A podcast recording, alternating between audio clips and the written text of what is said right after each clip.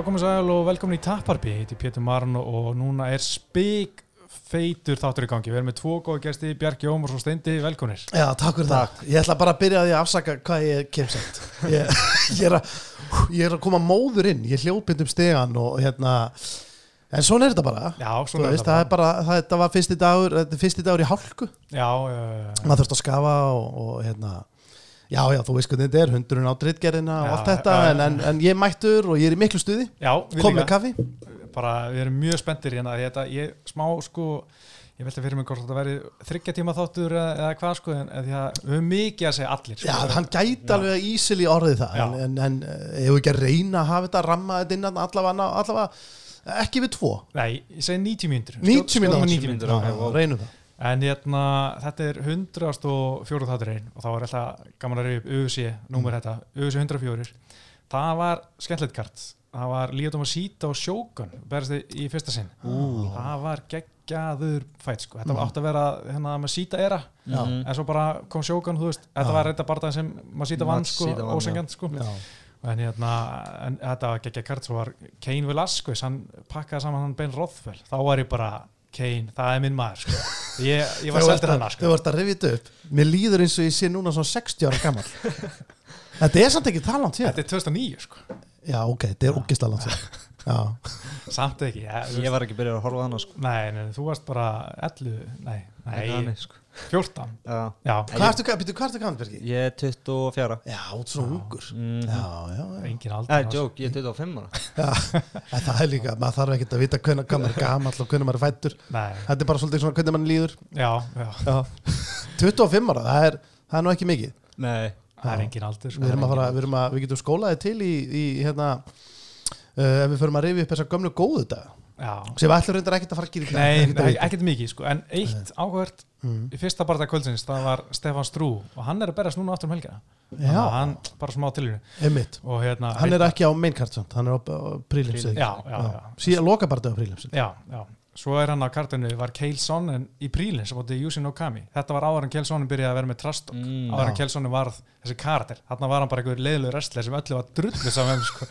já, leið og verður ómikill karakter í þessu sporti Já. þá ert eiginlega sko þá, þá veit maður að þú ert farin að syngja eitt síðasta sko Ég, mér finnst það, mér finnst Já, það, ef þú já. að vera of mikill karakter Já. þá veit maður bara svona, á ok, þetta er að vera búið hjá þér þú ert að fara bara að opna eitthvað podcast og gera eitthvað að viti sem hann er að gera og hann gera það mjög vel Já, já, það. og stannar reyndar alltaf með eitthvað algjört kjaftaði sko. Já. þú veist, hann var bara núna ég sá hérna, rakst á hann um daginn þar sem hann var bara eitthvað, ok, Kabi bara ringi mig, hann ringdi bara í mig áðan og sagði maður bara, hann var yngir að ringi, ekki neitt einn að ranta einhvers staðar Hann er, svo, hann er svolítið því sko bara að kasta skít upp á vegg og sjá bara hvað, Já, bara já. what sticks. já, Sko. já, það er Veist, það er svolítið mikið með það sem hann gerir. En hérna, árum fyrir mig bara þannig að henda einn nýjan lið sem heitir Trilla. Ég har búið Boom Ultra Light og þetta heitir Trilla, en þetta er eitthvað sem Haldur, Haldursson kom með hérna. í er þetta bóðið hvers?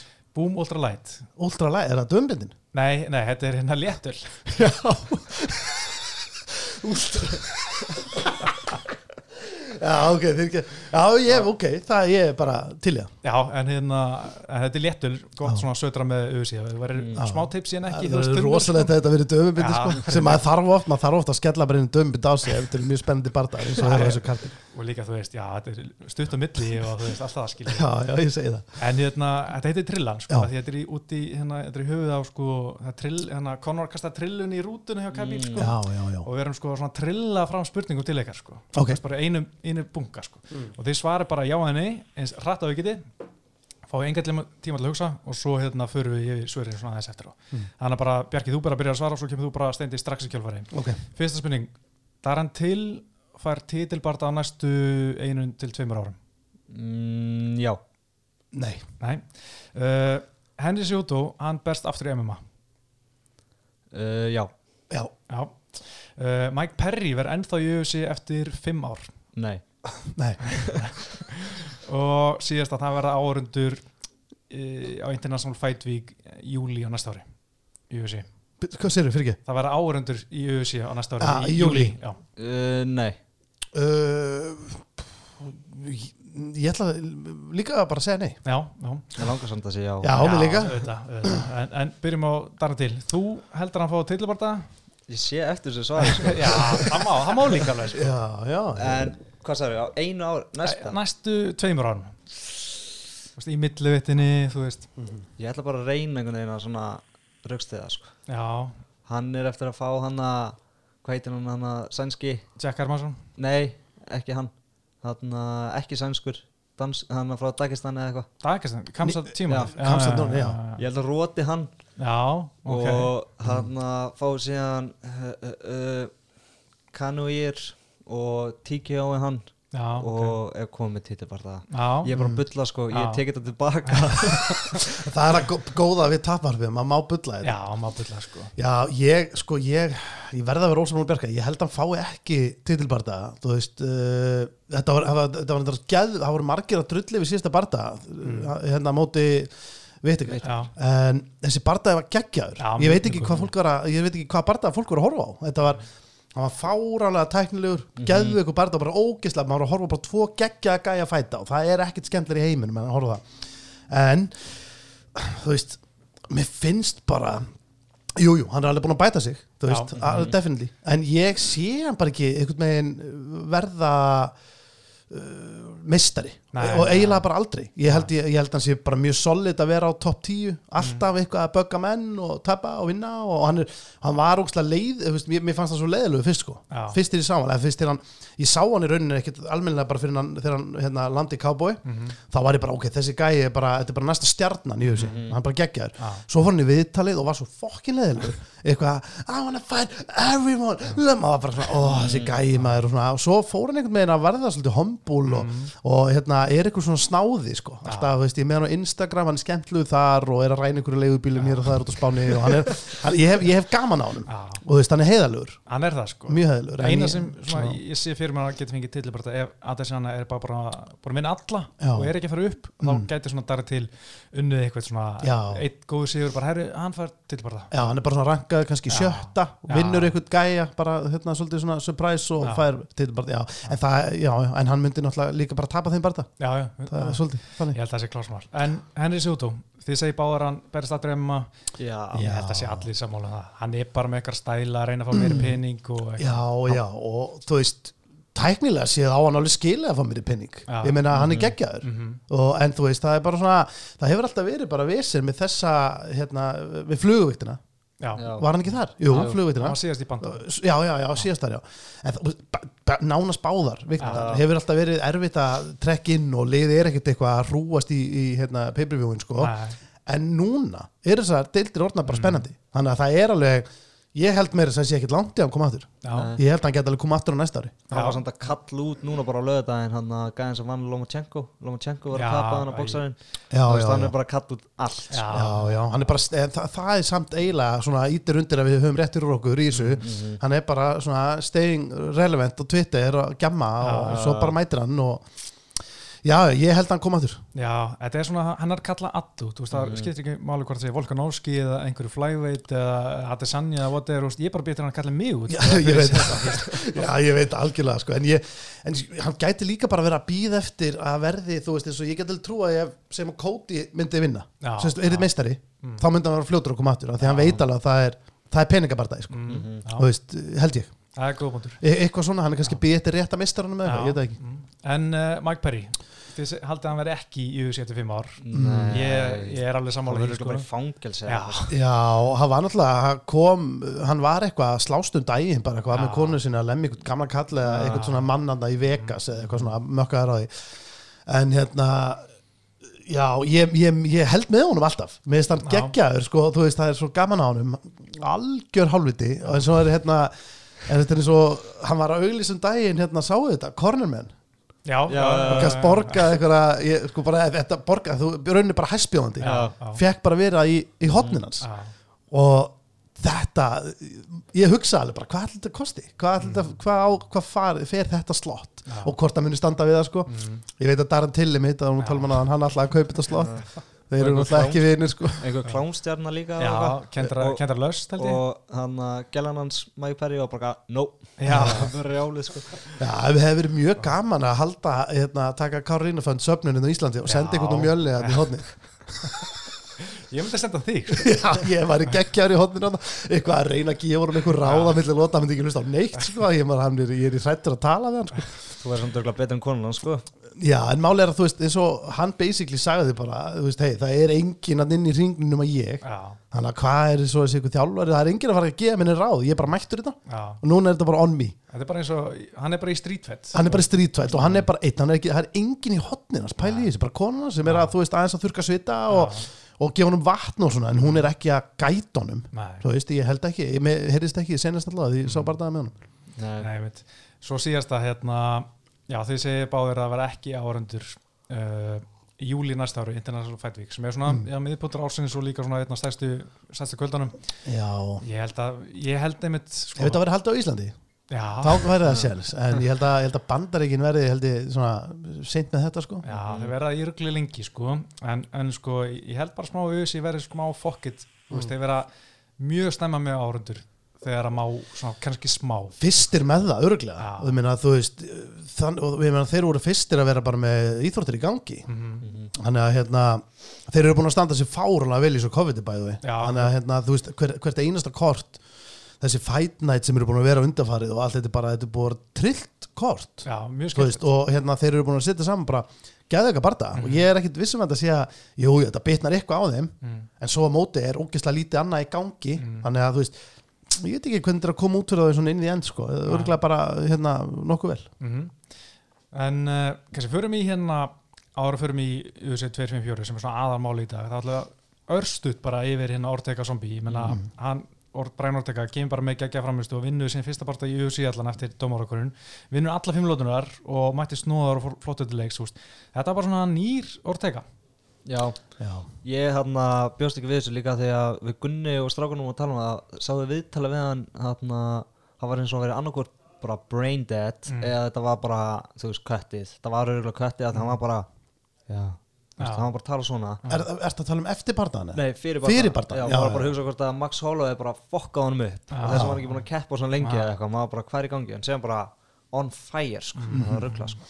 Ég bara, e- þetta var bara ótrúleg framistæða, Mhm. svona ángríns þetta var bara alveg sturdlað og þú veist að taka hann tók hérna, eh, þú veist, við erum að tala um að hann, hann bara átboksaði zombín mm Já. sem þessi bara, þú veist ég hefði getað bara veðið aðlegunni að það myndi aldrei gerast í lífinu. Já, en hann bara, hann mætti bara gera það. Hann hefur, hann hefur líka bara greinlega, þú veist, eins og við munum líka eftir þegar Max Holloway hérna eh, gerði það sama með hann bara í raunni að þú muni eftir klippunni þegar hann tekur svona hendundar á já, í rétti þeim svona, friend, svona friendly move en samt algjör skítamove á sama tíma.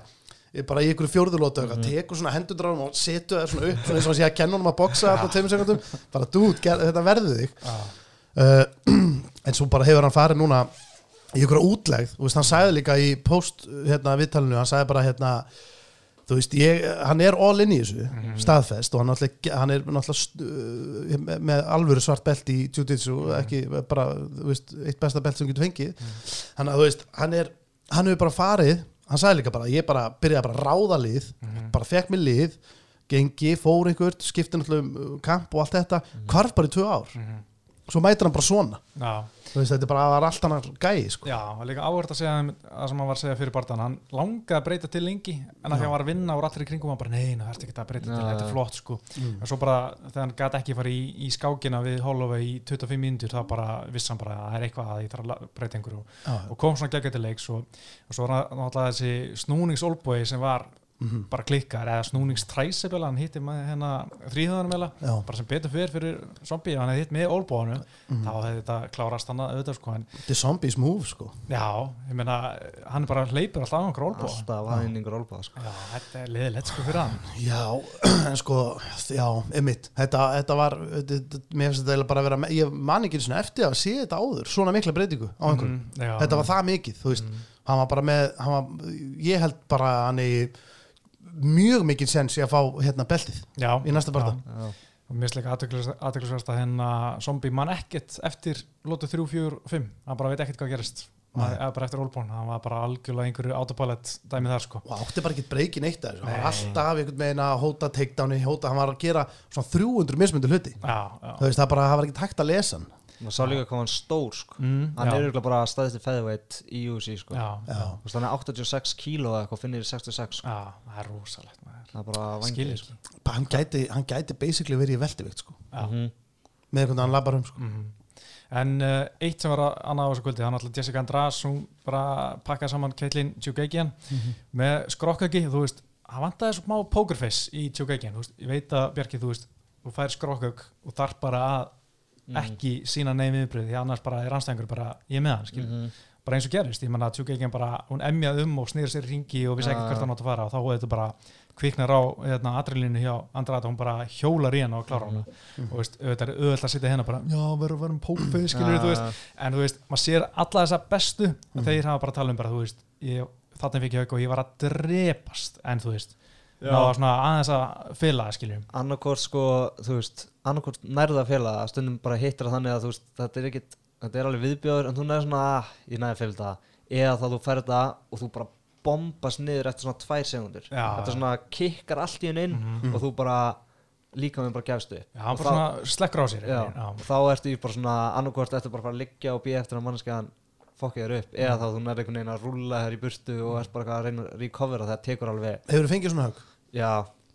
Það er ekki næst sko. En, hva, hvað, hvað er að gerast þetta þegar maður fær þetta högg? Er þetta livrin eða? Já, það er alltaf að tala um að, að það svona sé, þá fær lífið en það þá- er svona tveggja segna delay, svona töf og síðan bara þá fyrir líka maður bara, ég veit ekki hvað gerist bara, bara hann eitthvað varnar mót já, bara, herri, bara, nei, takk, ekki meira þessu sko. Já, já, já. já, ég veit ekki Einmitt, þetta, mjög, ó- þetta er alltaf mjög skerið þegar maður sér svona. Já. ég, hérna, þetta var líka þegar allir Aldó kýldi hérna hann uh, Jeremy Stevens. Jeremy. Stevens. geggjað. Já, sem var geggja högg og, og svona og þá maður sér bara, þú veist, þegar þú sérði andlitin á mönnum, bara, maður bara svona það, að- það, basically þetta er svona svipur sem maður segir bara, þú veist, það getur enginn tekið þessu högg, þú veist, þetta já. er bara svona högg sem bara svona hefði eiginlega geta klárað alla, þetta er bara, þetta er bara högg sem hitti akkurat að réttast Já. og þetta er Þetta er alltaf mjög skerið þegar maður sér þetta. Mér finnst þetta meira skeri heldur en að, að sjá einhvern, skilur, þú veist, er einhver rótast, er einhver að fá þunghögg og er að hætta, ef þetta er bara búið að brjóta einhvern niður þannig.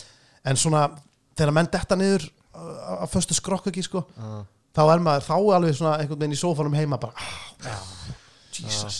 Finnst það, ég elska að sjá skrokkauk sko, ég hérna, líka maður sér þetta sjaldan og svona, það er alltaf gaman að sjá mm bara enda svona, en, en hún fær væntalega til að bara náttúrulega Valentína Sessenko er með anstæðing hún er að fara á móti hérna Jennifer Maia í november gerum bara að gera allir á fyrir hún vinni þann barða sem er alveg eðlilegt. En, hérna, en svo ætti Jessica András að fá, fá sensar, það er bara, bara fínt. Ég ránar með András já. András að fara bara upp sko. Ég hef nú ekki mikla bóna á henni í þeim bardaði, ég held að, að þetta verði frekar þægilegu bardaði fyrir Valentínu, Mhm. en, Já. en hún á alveg skilar að fá hana bardaða, Já, sem er bara mjög gott. það er lítið um, í, um að vera hana í flugveitinni þannig að það er fínt að fá einhvern svona nýjan og svo okkar maður, John Phillips hann getur ekkert í gólfinu. Það er bara getur hver sem er tekið henni og rústa.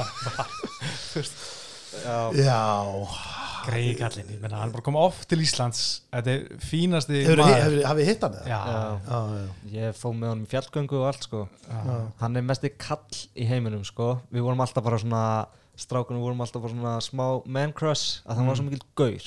Mm. Og þú veist, þetta var bara svona fighter. Mm, Það hefði verið í fangelsi og eitthvað Og maður svona, þú veist, smá hrættu við hann. Vorum alltaf með honum í Írlandi og eitthvað. En hann er geggjaðu gaur En ground gameið hans er bara, þú veist það er ekki til. Það er bara því miður ekki nóg gott sko. Býtu, á móti hverju- var hann maður séu? hann var á móti hérna hann heitir uh, Jún Jong Park og hann Jún Jong Park Já, já, já, já, já, já. restaðan í drasli já. og hann er bóksari sko Já, já, þú já. sé bóka þetta sem eitthvað svona stræking Já. bara Já, en, en park, parkarinn bara fór og byrjaði að glíma í kampinu og tók hann niður, hann leit út eins og Kamsat Simaev bara, hann Já. móti John Phillips Já, já. þannig að ég, þú veist, John Phillips er núna 1-5 í USA sko, það er Er hann ekki bara, já, allan, hvað, takki eitt bardaði viðbútt? nei, þetta er búið, þetta sko, er búið, hlýtur Nei, ég held að, ég þetta væri búið fyrir löng já, Já, já, já, já. en hann uh, fer bara í berin okkur bóksing og er flottu þar held ég. Já, hann kemur til Íslands og verður eitthvað kall hérna, sko. sko hann har náttúrulega verið að glíma við okkar, okkar strákabjörki Já, ég glýmdi náttúrulega aldrei við hann hann er náttúrulega bara helmingi þingri sko. Já, en já þú veist Gunni var heldur ekkert svo mikið að glíma við hann mismatt stöðan sko. Já, en þú veist Kristján og Halldór og strákanir sko voru alveg að glíma við hann og það var alveg skemmtilegt að þú veist, þeir voru alveg, veist, miklu betur en hann. Mm. en hann vildi alltaf standa sko. Hann bara stöndum upp, stöndum upp. Og sem vildi hann bara boksa við á glímuæðingu sko. Já. já, þeir kunni ekki neitt að boksa þetta er bara glímustrákar og konur reyna að grípa í hendunar og skítrætti sko það er geggja, úr geggju típa þegar þú fyrir að bóksa og glíma eitthvað það er já það, er þú veist það bara um það ákvað, þú ert ekki að fara að nenna Já. að læra glímu Nei. Nei, bara, bara gefist upp bara já, já. En nú fyrir við í aðalmálið að Mhm. það er Khabib og Justin Gaethje Ég meina þeir eru að saman þessu beltin það er öllum saman það, þú veist, þetta er bara Khabib eða léttundumeisterinn og, og Justin Gaethje með eitthvað bráðbæra sem hann hendi náttúrulega frá sér hann að síðast sko. já, já, hann En vildi, veist- vildi the real one Já, öllum saman með þetta belti sko, ég meina þú veist, Khabib ótrúlega dominant valla tapa lótu og svo kemur Justin Gaethje og það er svona það eru alveg þó nokkri sem er að tippa á Justin Gaethje, það er svona margir gefa honum meiri sens en en oft aður sko Mhm. Mhm.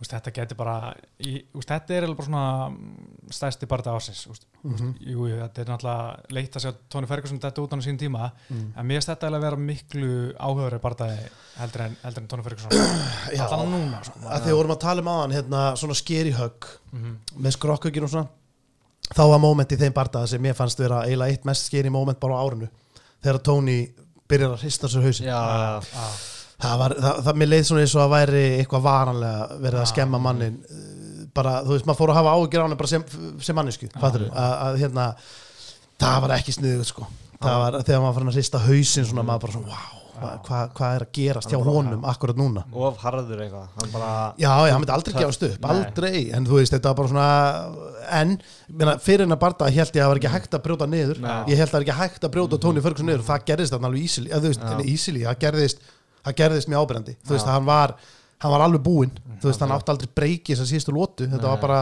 tímaspus, maður var alltaf að vona bara einhvern megin að þetta er eitthvað soft punch, hann myndi bara svona detta niður og dómar myndi bara hoppa inn í þetta. Það var ekki, ekki vera að láta hann rótan skilur, svo fyrir hann að hrista hann á hausinu sem er, það var líka sko nothing nice about it sko. en við tölum þú veist eins og með þjálfara þú veist Mike Perry mm. hann uh, vill ekki vera með þjálfara. Ef að Justin Gaethje hefði ekki mætt með þjálfara hann inn þá hefði hann tapað þessum barda alveg 100% mm. hann var bara í fyrstu tveim lótunum eða fyrstu, man ekki hann er allan að bara berja hann eins og hann getur reyna að myrða hann sko. bara að reyna að myrða hann og þjálfan er þessu bara hætti að reyna að drepa með höggunum Mhm. og bara, maður sá bara switch þú veist, það var klikkað, ég hef aldrei sinni gæðan á að switcha svona mikið í fætt Mhm. að þegar þú ert bara komin í gýrin og hann er bara þú veist, hann er að lóta frá gólfinu sko, Mm. sem bara breytta hann í byrja bara að peka hann apart, sem var klikkað sko. en ég meina, og Justin Gaethje er líka þannig að hann þarf ekki að setja allt í höggin sín þú veist, ef hann, er, ef hann er með 50% kraft í höggunum Nákvæmlega. sinum þá er þau eins og örglega 100% af flestum í, í, í þessari deil sko. nákvæmlega þannig að, eh, já, ég er sammála. Hann, hérna, og hann er líka bara búin að breyta taktík, þú veist, hann var alltaf bara í einhverju, dogfights Mhm. og bara dyrkaði það. Mhm. svo var bara, heyrðu, hérna, ertu ekki að spá að vera í þessu sporti í svona tvöru viðbútt allavega? Já, og berjast þess að maður og verja það eins og það er nefnilega svolítið magna að hann bara þróaðist og Mhm. breyttist eftir tvö mjög skemmtilega en slæmtöp svona fyrir hans helsu og einmitt, e- var ekki eins, mikill brólar og velur höggin betur og allt það, það bara svona varð bara mögulega breytt besti lætut í heimi, mm -hmm. sjáum við kannski fyrir ykkur á lögdæðin, en, en svona hann allan að lærða töpunum, alltaf ekki séð Kæbík læra töpunni, hann vinnur alltaf, en eins og með hérna, Brænars Trygga líka, þú veist, hann lærði að því tapi gegn Holloway og, og núna Justin Gaethje alltaf miklu betri barndamæður, hann er counterpunsan með nákvæmra högg og þú veist og hann er bara einhvern veginn miklu betri eftir tvö slæm töp sko. Mhm. Sko það sem hræði mig í þessum barda er að það er núna hérna sem sagt vídeo sem er á svona alls konar MMA síðum Mm. uh, og sem sagt er svona við, viðtal við Justin Gaethje. Það sem að hann segir bara basically að hann, honum finnst leiðilegt að glíma. Já, hann er bara búin að segja, honum finnst leiðilegt að glíma. Hann æfir, æfir í rauninni honum finnst leiðilegt að berjast uh, hérna með baki í gólfið, hann æfir það volítið. Mm. hann sagði meira þess að bara hann æfir það ekki af því að hann finnst hann bara þreytast við það þú veist, Já. og hann bara, hann er ekki að auðvitað er hann að æfa núna fyrir mm. Khabib, hann veit alveg að það eina sem er að fara að gerast er að Khabib hann er að taka niður. En hann, hann er ekkert að æfa glímu vanlega, hann er bara að, þú veist, enda er hann líka bara, hann hefur ekki þurft þess, þú veist, hann er með ekkert eðlilega gott hérna, takedown defense. Þannig að hann hefur aldrei þurft þess en, en þú veist, þetta er að mínum að þetta er, það er ekkert að fara að breytast í þessum barða. Ekki neitt, ég, ég gef ég, hérna, með fullir virðingu fyrir Justin Gaethje ég minnst hann geggjaður en uh, ég held að þetta veri bara nákvæmlega sama saga og við þekkjum allir hérna einni Já. að, jú, jú, hann getur kannski varist einhverjum nokkrum takedowns. Mm. og þú veist, hann er þú veist, hann er náttúrulega góður wrestler skilur við fyrir en uh, hvað, hvað er það samt ef hann, þú veist, hvað gerir það hann er góður wrestler, hann er ekki á level við Kapi, hvað er ekki að segja með það Nei. og þótt hann á að stoppa 2-3 takedown skilur hann er hann niður bara í fyrsta lóti pottit og Já. þá náttúrulega er hann fara að gera líka í öllum hinnum Mm. Sko, hann er náttúrulega All-American wrestler sem Mm. í háskóla glíminni efstu deild sem er mjög gott þann, því að hann var á topp átta landsvísu hann í háskóla glíminni sín, sín tíma Mm. en þú veist, einmitt, lítið notana hann verið 17 sekundur á bækinu í við höfum lítið séð hann á bækinu Mm. og hann nennir ekki að glíma því að hann einmitt svolítið að, þú veist, maður sé að hann var að æfa með Úsmann, hann er að fá einhverja góða wrestlera til sín sko, en þú veist Úsmann er pottet að taka niður og, og halda hann niður og grænda hann, hann að Ég er pínuð spenntur að sjá hvað hann getur gert sko til að koma sér upp sko. En þetta úst, snýst ekki endilega um að stoppa felluna sko, það mun örugglega vera tekið niður. Já, en úst, getur að komast aftur upp og þú veist gert vinnunni í gólfinu sem þar þú veist, var að hendfæta og þú veist og leift skilu ekki láta hérna kappi klemma lappinnar og þú veist því hann komið með þessa stöðu klemma lappinnar og, og komið hann að dækast inn í handkof þannig að grípur undir höndina Mhm. þá er enginn að fara að sleppa einhvern veginn sko Mhm. en mér er bara svona al spurningin hvort að veist, hvað Justin Gaethje ætlar að gera þegar hann er komið niður sko. hvort Mhm. hann á að komast strax aftur upp eða ekki sko. Já, þess vegna hefur verið svo skemmtilegt að segja á Tony fætina þegar maður veit að hann, Mm. þú veist, Tony er bara að púla gard, sko, Mhm. það hefur verið skemmtilega en þú veist, það er svo leiðilegt að sjá alltaf þess að gæði verið að reyna að standa upp alltaf, Mhm. sko, hann myndi ekki reyna að standa upp, sko, það gerir fætin svo interesting, sko, Mm. hann myndi bara berjast á bakinu, sko, en jú, ég, þú veist, ég er sammála ykkur, þú veist, hann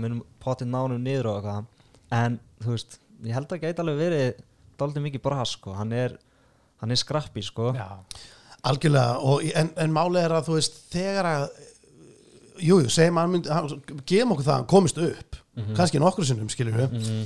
en þegar að Khabib hefur komist í yfirbara stöðu og ná gæja Mhm. þá eru þeir ekkert að fara að standa upp Mhm. og ég held að hann sé ekkert að fara að breytast núna þú veist, Nei. þótt að hann sé með þennan re- bakgrunn í wrestling og allt það þá, ég sé það ekki þú veist, jú, hann getur sprengt sig kannski tvist að þrísar fjóru sinum í þessum bardaga, þú veist en á móti held ég að hann sé aldrei að fara að gefast upp heldur. Nei, aldrei, Nei. þú veist, ég, hérna, ég held að þessi bardaði muni fara í dómarákurun eða hann verði uh, svæfður og hann muni ekki tappa heldur. Nei. ég held að hann muni bara sopna ef, hann- ef hann verður já. það verður ekki séns að hann sé að fara að gefast upp. Já, sko ég er mjög spenntur að sjá líka hvernig þetta dregst á langina því ég held að það muni fara allan að fjóra lótur sko. Já. að hérna, veist, hvor verður með betra tóli, ég veit að Kalbi mun reyna að ná honum niður snemma og þú veist, og, og örgla ná honum niður fyrstu tvær lótunar, Mhm. en þú veist, ef hann er honum þreytur og Justin Gaethje líka honum þreytur, getur hann ennþá ná honum niður þá, eða hvort að þá verður Justin Gaethje kom, komin að hérna að meiða hann sko, já. að það er náttúrulega helvitis hundur í, í Gaethje og þú veist, ef hann er standandi þá er hann að fara að reyna bara að drepa hann, skilja hann verður að gera það þegar, þú veist, það er svo, þú veist, þeir voru svona á múndi wrestler mm. og stendur síðan upp og síðan hann ertu svo ógeðslega hrættur hann ætla að taka það aftur niður Já, þannig að þá hættur að stræka þú gleymir því að þú bara fókusa á að hann taki ekki niður, þú veist, það gerði svo Connor þú veist, Mhm. hann feikaði hann að takedown og sló hann niður að því hendur hans fór bara niður hann er hættur að pæli því að hann boxi mm. þannig að þú er bara allan tíman í einhvern wrestling match hann. sem er samt algjör skita að afskrifa þú veist, að því að þú veist, Khabib er ekkert slæmi. Þú veist, hann er bara mjög solid, Mhm. þú veist, hann er búin að hérna, standa með öllum bestu, þú veist, Mhm. mm, Conor og hérna, Poirier og fleiri görum Mhm. þú veist, og hann er bara, minnst að meira þess að vera með minnst hann vera með mjög skemmtlan stíl með þess ég var Mhm. með svona sjálfgjáðan stíl hann er einhvern veginn, svona, ég, ég veit ekki ég er hann að lýsa þessu í stúdíónu en hvernig hann einhvern veginn er með hendurnar og það er svona, svolítið gaman að sjá hann Já. standa, en hérna en ég minna, þú veist, hann er, jújú, jú, hann náttúrulega er þú veist, Justin Gaethje og þessi gauðra sem ég er að tala um eru betri strækjarar, definitely. Já. en hann er samt ekki slæmi nei. þannig að hann er, hann er hérna, hann er kannski ekki að fara að rota neitt, segja, það er mjög seint alltaf að fara að gerast en, en hann er alveg að fara að standa ég held að hann sé alveg að fara að standa með geði, hann er ekki að fara að skjóta niður bara eftir tíu sekundur Mhm. Það var líka áhverð að sjá sko því að hérna standandi er Khabib svona með mitt svona, ég myndi svolítið skrítin stíl hann er með þetta svona skrítin uppercut og, og allt það sko. Hann er eins og okkur fitt hamstur. Sem er einhvern veginn svona að þó sér eða eitthvað. Hendin er alltaf fyrir fram, hann andlítið á sér einhvern veginn og það er mjög gott.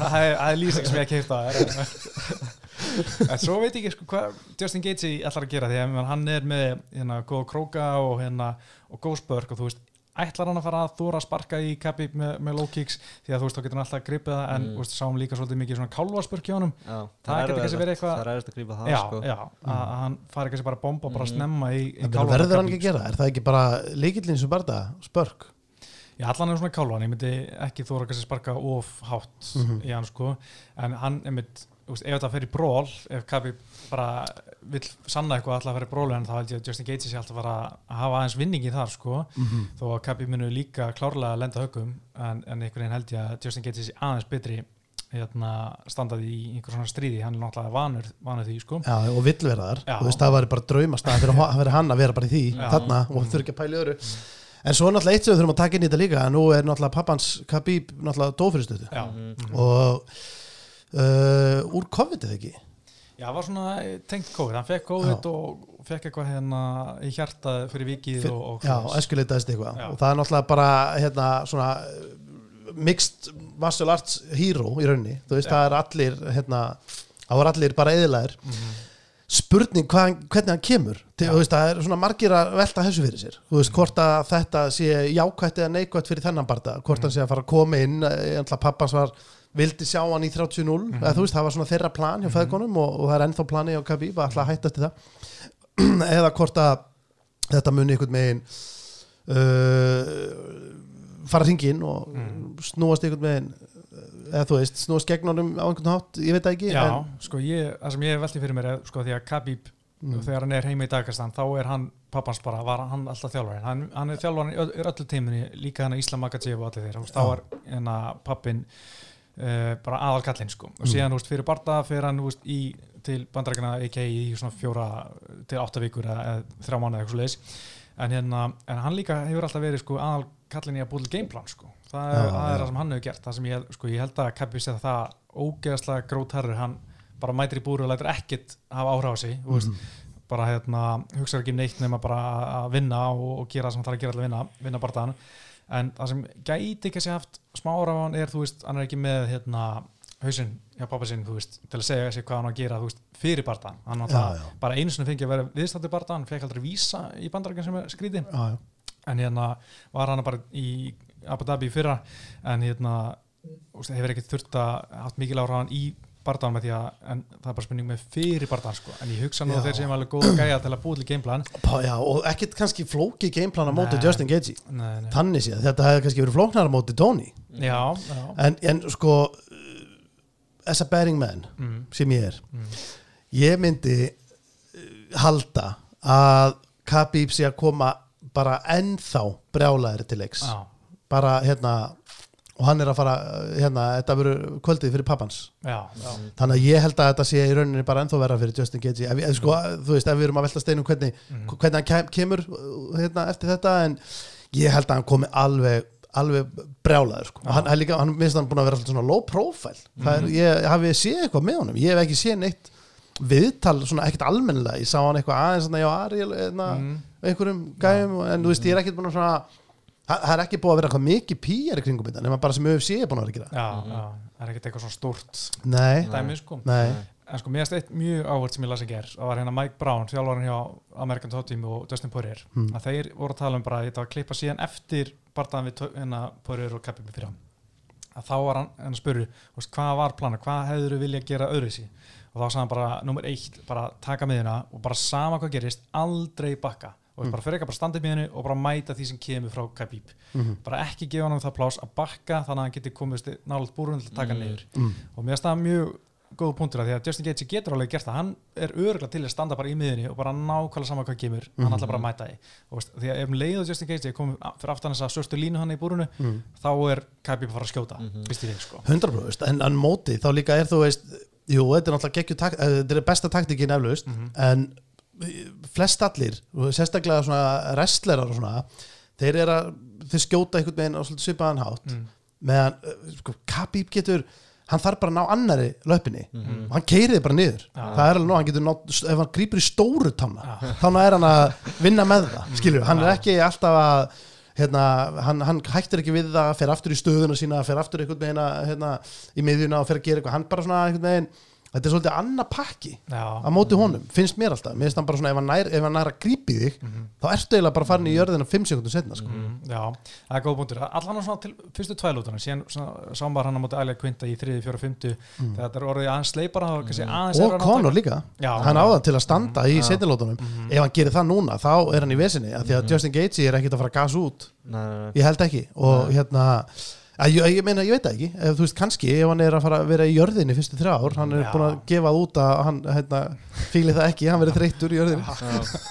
Það er nefnilega góða punktur, bara hvor allir verður með betra þól, þú veist, þegar líður á barndan Já. en það kannski fyrir svolítið eftir hvor er að svona, ná sínu vilja í, ég hef ekki miklar ágjur að Khabib sé að fara að gas út. Ég meina, maður hefur séðan, veist, kíla 200 sinum í einni lótu, bara Mm. on á gæja svo bara ekkert mál, hann bara mæti Já. í næstu og en þetta er bara það sem hann er gerir erfitt að ná hann niður, hann er bara að ströggla hann og næra hann kannski smá niður og Gaethje poppar upp, Mhm. þú veist, þetta er svona kannski fyrstu tvælótunar, mikil, mikil tempo sko, að þá, þú veist, hvor allir muni vera með sko, lungun, sko, já, þeir eru báðir náttúrulega, já, ég veit það ekki Já. hvað segir þú Birgir? ég er ekki viss, sko. Ég sko, hann að, mér langar að segja líka áðan sko, með hann að Gaethje sko, það sem að þú veist að segja þú veist standa svona í miðinni, þú veist, Conor gerði það, hann lappaði bara upp á hann í byrjun, Mhm. ég skildi ekki alveg hvað hann að pæla, bara lappaði upp á hann með hendur uppi, eitthvað svona nýtt í að stæmi og var bara tekið niður. mm.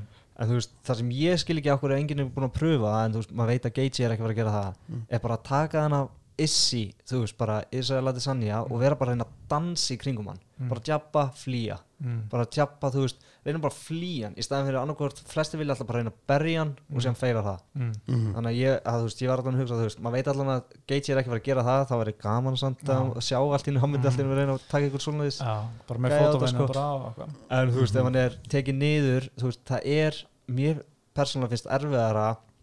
að vera alltaf að reyna að taka einhvern niður og halda honum og hann er að standa upp og þú er bara, "Ah, þú ert að taka niður það er alveg þreytandi að reyna að standa upp sko og vera þreyttur en ég held samt að Khabib myndi vera þreyttari við að vera alltaf ef hann myndi alltaf vera að feila hann myndi alltaf Mm. ná hann niður og síðan stendur hann upp ná hann Mm. niður, síðan stendur hann upp hann myndi byrja að gasa í þriðlóti sko Mm. en það held ég allan að Já, Mhm. mhm.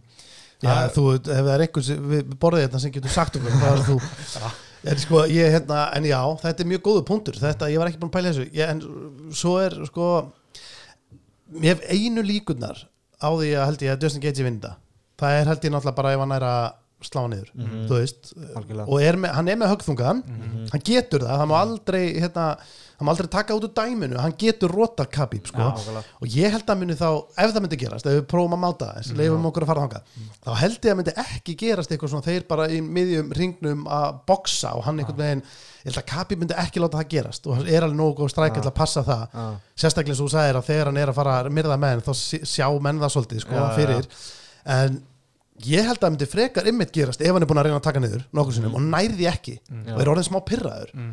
og þetta gerist í ykkur frekar svona close uh, reynsi bara þú veist, uppi búri eða eitthvað, þú veist, hann er bara svona að skjóta niður og hann bara. Hittir á hann á, á sama tíma og einu og, og bara nánast ekki sjá, sér hvað gerist sko. Já. allt einu bara, herri já, kapiblíkur niðri Já. við þurfum að sjá ríplega á þessu sko. ég held að þetta sé svona kannski svona, þetta er þið mómentið ef Justin Gaethje myndir vinnan Já, ég, ég get alveg að segja fyrir mér sko. Þetta verður náttúrulega ótrúlega spennandi bara svona, þú veist, ég bara get ekki verið þetta Nei, ég veit það, ekki alveg hvað er að að gera sko. On ég finnst það, maður er líka orðið svo rugglaður í þessu, í þessu maður, hérna, maður uh, það, maður verður einhvern veginn alltaf meiri fan á hverjum degi Já. og sko núna maður bara, maður er bara, ég hugsa um þetta hverjum degi sko. Já. ég er að telja niður. Og, það, og það er, hvað það er þetta? það er, það er þriðudagur, við þriðudegi Já. þetta er á laugardag, en það er bara minnst eins og sé árfangu til þetta verður. Mengar klúan 6 og meinkart er klán 6, pældi því það er, það er veistla sko. já, það er geggja yfirleitt er maður einhvern veginn bara á sjötta jokes bara klán þrjú um nótt bara að þraukið og svona, maður er svona alltaf svona, maður hefur alveg, þið kannast örgulega við að maður er að detta út og inn, þú veist, ég er bara svona, maður hefur dottið út og svo þarf maður eftir ívendið að fara tilbaka þegar maður Já. mista nokkur mínútur hér og þar sérstaklega maður er búin að fá sér aðeins mikið raukt sko. þá maður komin í smá svona alveg að sopna sko. Já, já. Ah, er ekkert betri heiminum en að fara að vera í góðan áslop og sko. hvernig, verðum við ekki ef við ekki að gerast það það er margir sem vilja kannski heyra hérna okkar spá já Hvað, sko, ég var- vera- ég, var- ég ætla að fara fleiri, fleiri hluti sko. það er meira í þessu já, sko. meira í Ég- ég, ég, er ekki alveg að Nei. fara í spánar strax ég er sko. mjög til, já, ég er mjög til, já Velta sem, annað sem Mike Brown tala um að þú veist, þegar komin í eitthvað svona glímuskrampul bara Mhm. aldrei gefa þessu bakið því að Dustin Poirier gerði það mikið en það er að Dustin Poirier er með svo mikið af sko, leiðum til að losna það sko, Mm. mm. ef einhver tekur á hann baki hann er bara, hann vill frekar gefa sér baki í staðan fyrir að vera með einhvern vissir hann Ja. að overúk sko, til þess að þess að sleppa í glíminu sko. en hérna hann sagði sko Dustin Poirier er, að- er að sleppa undan öllum í Amerika Top Team, öllum resturum í Amerika Top Team Mhm. með þessu sem hann var að gera mútið Khabib bara þú veist, gefa sér baki og, og hérna, með einhverja taktik þaðan og Mm. nota hann að switch það sem hann svona fer einhvern undir hann og, og, og snýr stöðinu við virka ekki gegn Khabib. Bara Nei. sama hvað hann gerir, hann sér gegn öllum í Amerika Top Team. Hann er eitthvað skringila á öðru leveli Khabib sko. Einmitt, mér finnst það alveg svona bara að vita til þess. Bara horfa á hann glíma hana á YouTube á við þessa wrestlera hana í gimminu sínu hana í bandrækjunum hvað, Khabib eða Dustin? Uh, Khabib. Já. Mhm. og þú veist, hann var að glíma við einhverja stráka sem eru, þú veist, í þjálfun hjá þarna uh, DC Eftir hann þegar hann tekur hendina á hann með það svona svið, Já, niður. já, það var samt ekki hann, það var hann að Makachev Já. Já. Ísland Makachev Já. Já, já, já. það, er- það er enda crazy Já. Já. en það er einmitt einhver svona á þeim æfingum sem maður sá hann bara eitthvað vera að æfa og það var einhver gæi sem var bara sko miklu þingri en hann og topp 10 í bandarækjunum mm. og hann var bara að vona á honum bara eitthvað eins og að vera stekkjan sko. Ah. Þetta var bara, þetta var fárálegt sko. Já. Þetta er það. sko og líka bara er að glíma við hvort mér skilur við bara Já, veist, sem er nákvæmlega. svona þú veist 80 kílóum þingri Já. og veist þetta er ég hérna sko menn hafa sagt það líka bara þegar Khabib er onaðir mm. þeir líður bara eins og að sé bíll onaðir Mhm. þú veist þetta er, þetta er ekkit eðla það er auðvitað ekki þetta að setja sig í þessu spórin Mm. þú veist ég hérna ég er mjög gaman að fyrir gannislag ég er reyndar aldrei eftir barða í þurftin eins og þið en ég er mikill, ég er mikill áhuga maður um, um gannislaga og ég hef slegist mikið við Sveppa og, og Dórdíina Já. og ég hef haft að báða óna mér það er algjört vesen sko Mm. Það er algjört maus þannig að við getum einhvern með svona kannski tífalda þingdina á Khabib þegar hann er ónaður Já, mér langar að pröfa að finna fyrir því hvernig er að glíma við Khabib sko. en sveppa á Dóra Já, nei, ég var ekki það getur líklega að pakka þeim saman sko. Það var aðeins öðru þessu Dóri er reyndar Dóri, er ég og Dóri nefnilega ég held að hann sé blátt belti já, Já, og er í bóksinu og eitthvað. Já, já. já, ég, og er í bóksi núna og hann er, nefnilega, hann er bara mjög flottur bóksari ég held að hann sé 2-0 já, í, í áhagamannabóksi og hérna og ég sé að hann geta þunghögg já. þar, að Dóri er mjög segur hann er með högu allt. Hann er með höggu, hann er rosalega höggu og, og hann er góður í gannislag ég get Já. alveg votta fyrir það, það var vesen að að fæta við hann sko en uh, já, ég, er líka Dóra Dína við Khabib, það er kannski það er ákveðum maus líka. Það er, skeggið. Það er með það saman skeggið. Nei, ég er ekkit eðlilega spenntur þessu barnda, en sko en uh, já, haldið þið- að Justin eigi einhvern sens fyrir utan, þið haldið það? Ég er alveg sko Þú alveg á því? ég er bara næst í að fara að tippa á Justin Gaethje sko. Er það, býtu, ú, er, herðu, býtu akkur er þetta að koma á núna, rögstundu það sko, það er náttúrulega ég er ekki, ég fer fram og tilbaka sko, Já. alveg, sko, þetta er bara svona það er svo margt í þessu sem ég er búin að hugsa sko, þú veist bara, en það, mér finnst alltaf ég, veit ekki af hverju Justin Gaethje ætti að sleppa undan Khabib í gólfinu frekar heldur en Justin Poirier eða einhver aðrir. Mm. en bara það er bara, þú veist, ef hann er að lifa þú veist, fyrstu tvælótunum svona þokkalega á hans að taka mikið skaða á hans að þreytast mikið. Þú veist, bara hann er bara góður að handfæta, þú veist, ef hann gefa sér baki bara að vera ótrúlega mikið að handfæta við þetta reyninga tjók, það er eitt sem Mike Brann tala um, og færið ekki annað tækifæri þegar hann er að fara reyna að fara í reyninga tjók og bara verður að verðast í sama hvað sko. Mhm. En þú veist, hann er, just ekki, ég er með líka með Trevor Wittmann með sér sko, ég er svo spenntur fyrir að sjá hvað gameplan þeir að koma með gegn Mm. Khabib, það eru 100 manns búin að reyna, ah, ok, 28 manns búin að reyna. Þú veist, það næri enginn að stoppa það örglega hundra að þú tekur bara, þú veist, hann kemur frá Rúslandi og, og já, og bara orðin strítseldi líka sko. Þú veist, hann er svo relentless, það veit allir hvað hann var að gera. Mm. margir bestu þjálfar heimi búin að reyna að stoppa þetta en geta það ekki, þannig ég er, svona, ég er ekki rosalega bjassinn á Gaethje geta eitthvað endla að gera. Mm. en þú veist, ég veit ekki bara þú veist, í þriði, fjórðu, Khabib er ekki að nánu niður þá kemur einmitt eitthvað svona Justin Gaethje bara fer að taka yfir sko, með einhver bara bombu í lappin á honum Khabib, þetta er vond og þetta er leiðilegt og hann næri þessu ekki og svona þú veist, já, en svo hefur maður séð, þú veist, hann hefur vankar kannski tvisar Khabib mótið Dustin Poirier og síðan mótið hérna Michael Johnson eitthvað smá Mm. en samt bara ást hann ógeðslega vel við það þar og bara tóka niður og, og klára það skilju þannig að ég, veist, mér finnst erfitt að segja þetta en, en ég gef Justin Gaethje mesta segja á öllum í UFC að vinna. Er það, meir en Conor hefði Conor mætti, ef, ef Conor myndi fá annan sens sem í, í góðu formi, Sko, toppformi? Já, Conor jamfrýr og hérna trúar kannski og ég meina hann er, ég myndi ekki sko, hann var jafn högþungur eða ekki högþingri Já, Mhm. það sem ég bara svona held að sem minna, sko, ég held að sem minna kvitt í Justin Gaethje heldur en Conor Já. Sammála, Já. ég er alveg Það sammála er því svona sem gefur mér meiri von fyrir Justin Gaethje heldur en, heldur en Conor Conor sko. brotnaði náttúrulega svolítið en ég setti náttúrulega 20 krónur á Conor sko Já, ég, ég, skilda samt alveg Bjarki því að hann var bara í öllu þú veist, hann var svo ógeðslega kokki hann var með þess að ennþá, þótt hann hafi vita hann væri búin að slugsa og allt þetta hann var ennþá með fokking hérna, showtime face í gangi að lappin í eitthvað reikfyllt búr og bara ógeðslega kokki maður bara, þú, þú veist þú ert búin að vera að slugsa. Og við, þú, það er ekki lengur þú ert ekki lengur að selja bardaða lengur hann er byrjaður og þú ert ennþá svona. Þannig að ég, ég hérna, maður var alveg líka, þú veist, og fyrsta lotan mér fannst hún bara mjög fín hjá Conor hann var mjög góða felluvörð. Jú, jú, hann náði hann niður en hann gerði enga skada við hann, gerði ekki neitt við hann. Og þú veist, önnur lota var náttúrulega uh, algjört rúst. Mm Mhm. -hmm. þriðlota átti Conor hann átti hana, hann Og er það. fjórðalota, ég horfði á þetta um daginn. Já, Conor skít, hérna, henn ekkert. Nei, ekki fyrir hann náttúrulega fór í jörðina en já, Þannig að þú veist, ég veit það ekki, þú veist, ég var mjög til í að sjá Conor Khabib 2, ég held að mun ekki gerast en nei, ég held að ég væri ógeðslega til að sjá það þegar, Conor myndi vera algjörlega bara on point þarna en ég held samt að úslitin er örglega svipuð en mér langar samt bara svo að sjá það. Já, mér langar mjög mikið að sjá það. Og ég, ég tippaði þetta á Conor síðast sko. Ég var alveg full on sko, bara held að hann var að taka það. Mm. en hérna, mér langar 100% að sjá það aftur en ef hann er bara jam frýr og hérna, við já. alveg svona aðeins betur skrúan á og líka ef hann lúka bara fárlega vel um móti Dustin Poirier sko, þá er hann alltaf mjög spenntur að sjá. Já, þú veist, hvað gerist eftir það sko, en, en ég eins og segi, ég enga trú að Khabib nenni þessu, nei að hérna, hann vill bara fara á þeir buðu honum held ég hann að vera þjálfari Ultimate Fighter á móti sé Conor kjátaði sko. Sé svo mikið kjátaði Já, sko. ok. bara Dana White, að því að sko Dana White sagði að við höfum ákveða að hafa Khabib og Conor sem þjálfara en Conor klúðraði því að því að, að því að hann sendi hérna byrtið tvítin á milli okkar en, en enga skilbóð veist, hann er aldrei, veist, Khabib myndi aldrei fara að Nei, hann nenna sagðist þessu ekki vilja keppa fyrir hann fyrir billion dollars. Já, Hann sagði það. og, eitthvað. þú veist, og Conor fara að vera veist, að það er aðeins meiri pening að baka það fyrir hann skilur það er svo mikið, þú veist, Sko- hann dreifur svo mikið að skilur Svo má ekki heldur gleyma því að Khabib, hann er eh, ekki með pening á heilunum sko. Hann þarf, hann er pottet í hann er, hann er moldríkur að sjálfsögðu bara eftir bæði ferilinn, hann er í Rúslandi og sponsorar og með fullt af giggum örugglega sem þú heyrir aldrei af. En hann er ekkit að pæla hann þetta er næju sami gæi, maður sér Já. það alveg þú ert að sjá myndir af þessum gaurum eru oft svona átta saman að chilli í einhverju ógeðslega litlum brúnum leðusofa að horfa á okkur túpusjónvarp þú veist þessi gaurar eru bara þeir eru bara að æfa Já.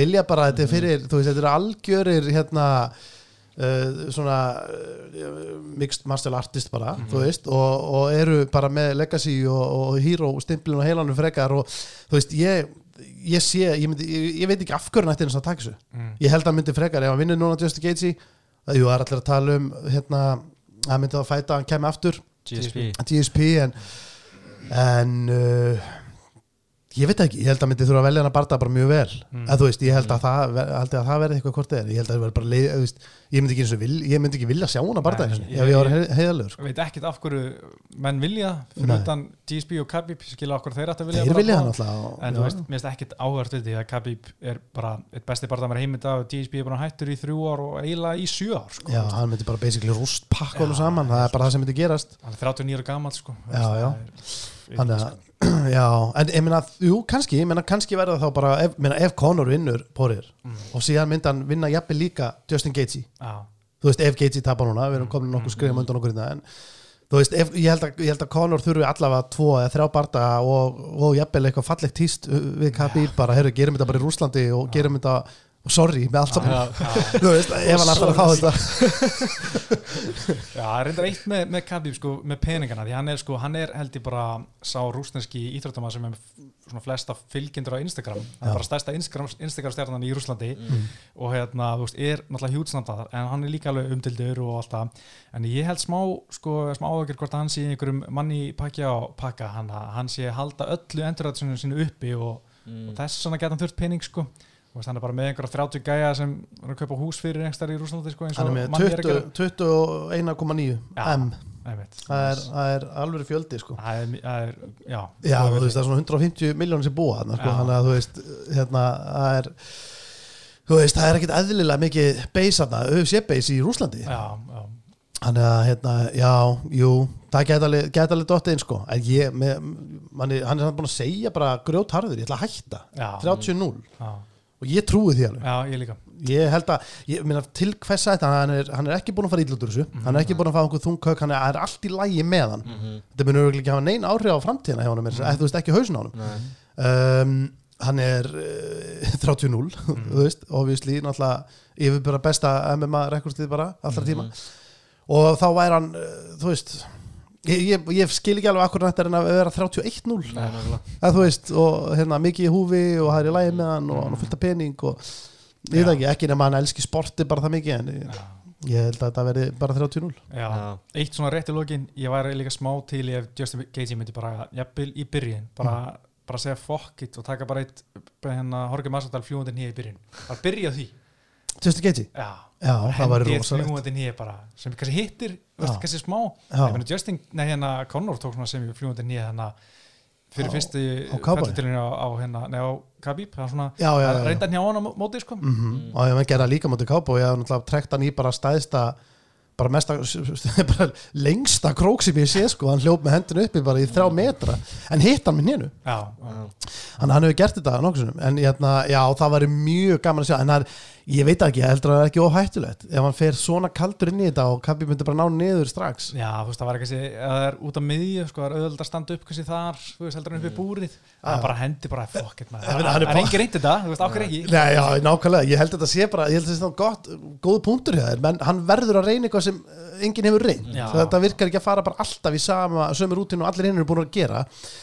En já, og ég veit ekki sko, ég held að Kabi, hann er páttið búin að sjá Ben Askren barðaðan og hann er að bara fer vanlega ég er náttúrulega talandi um það maður Jesus Christ hvað ég var leiður.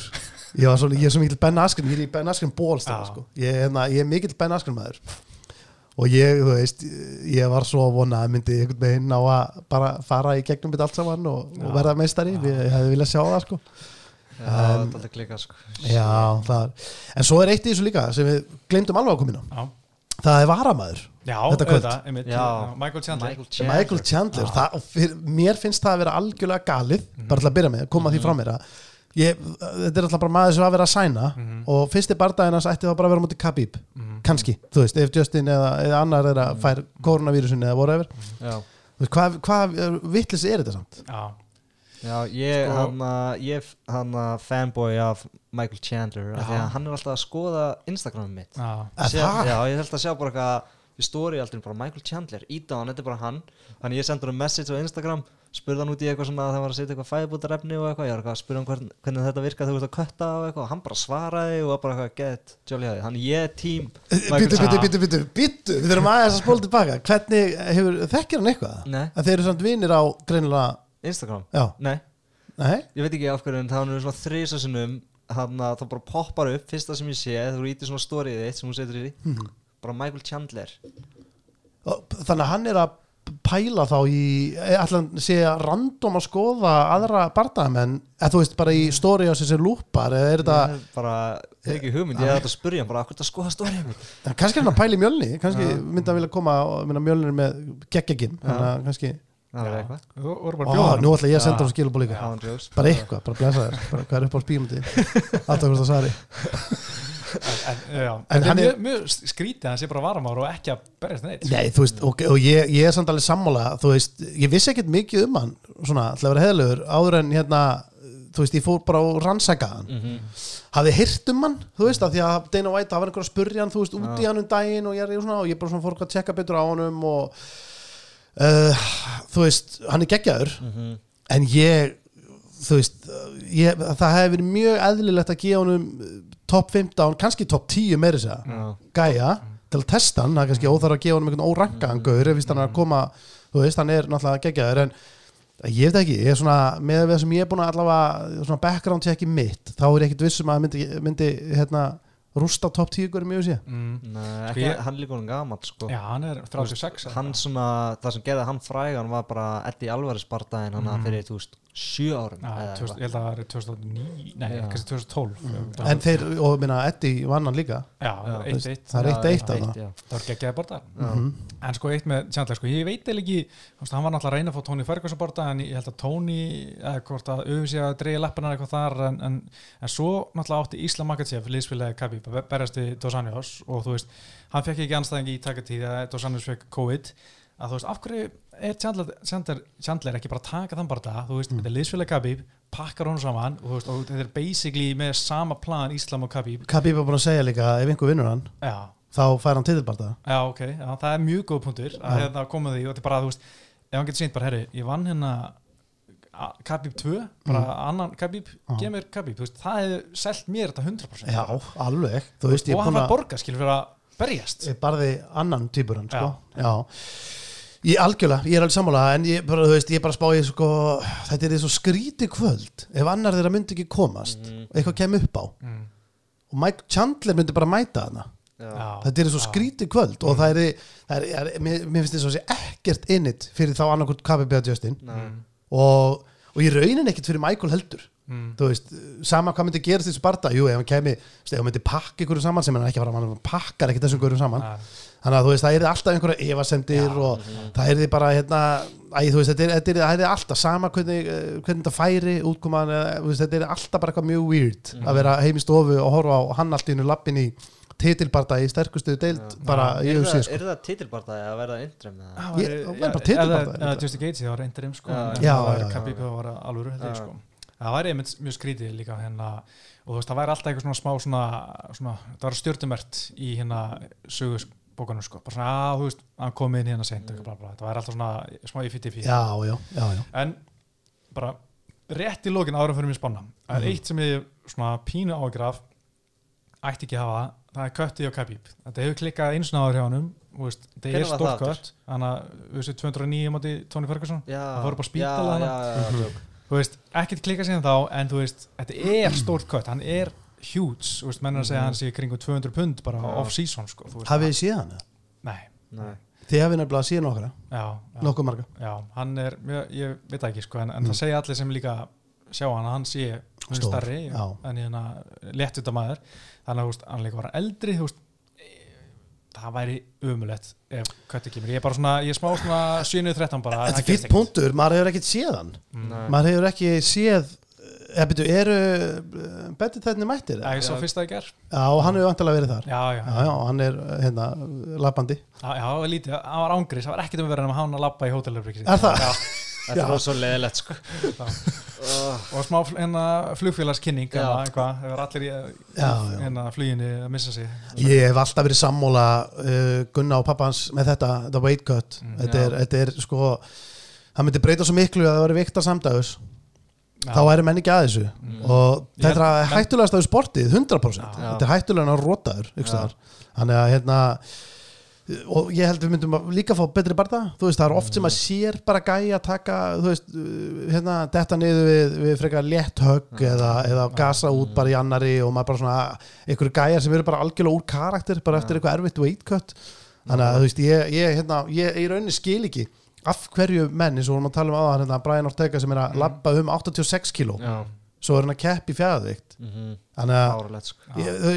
fjárveit er 66, 66 kíló bæði, sko, þannig að það er, þetta er 20 kíló. Já, já, þannig að þú veist ég veit ekki, ég meina, hva, hvað finnst ykkur um þetta ég, að vikta samdæðis myndi það ekki breyta miklu Ég held ekki, ég held að menn myndi samt skera niður það var þetta Ennþá hættulegra sko. ég held að menn þetta bara að sko júsa þetta, mæti bara með vikt þeir að testa menn hann allt árið, hvar Já. sem er hvernig sem er, Mm. mæti með vikt og tjekka bara á viktinu bara svona í kampinu bara, og, svona, og ef þú ert að kötta eitthvað x mikið og ef, mæta vikta líka hérna kernistag ef þú ert bara x þungur Mm. þá bara er næst og keppir fer upp með flokk veist, auðvitað er mjög flókið að gera það með meistar eins og Khabib og allar saga Mhm. en það, veist, það verður bara erfið transition en veist, það þurfa bara líka kannski, að taka tvö ári fylgjast með viktinni, bara sjá hversu þungir þessi gæjar eru í raunverunni raunverunni, hérna, svo er líka bara svo steikt af því að þú veist, ég veit allir með skunni köttar ekki mikið mm, en 90% af gaurunum gera já, Mhm. þannig að allir, að þú veist, segjum, við getum gefa okkur það, að það allavega helmingurinn, rúmlega helmingurinn í fjæðvikt, að því vorum að tala um það er að lappa um 80 kíló.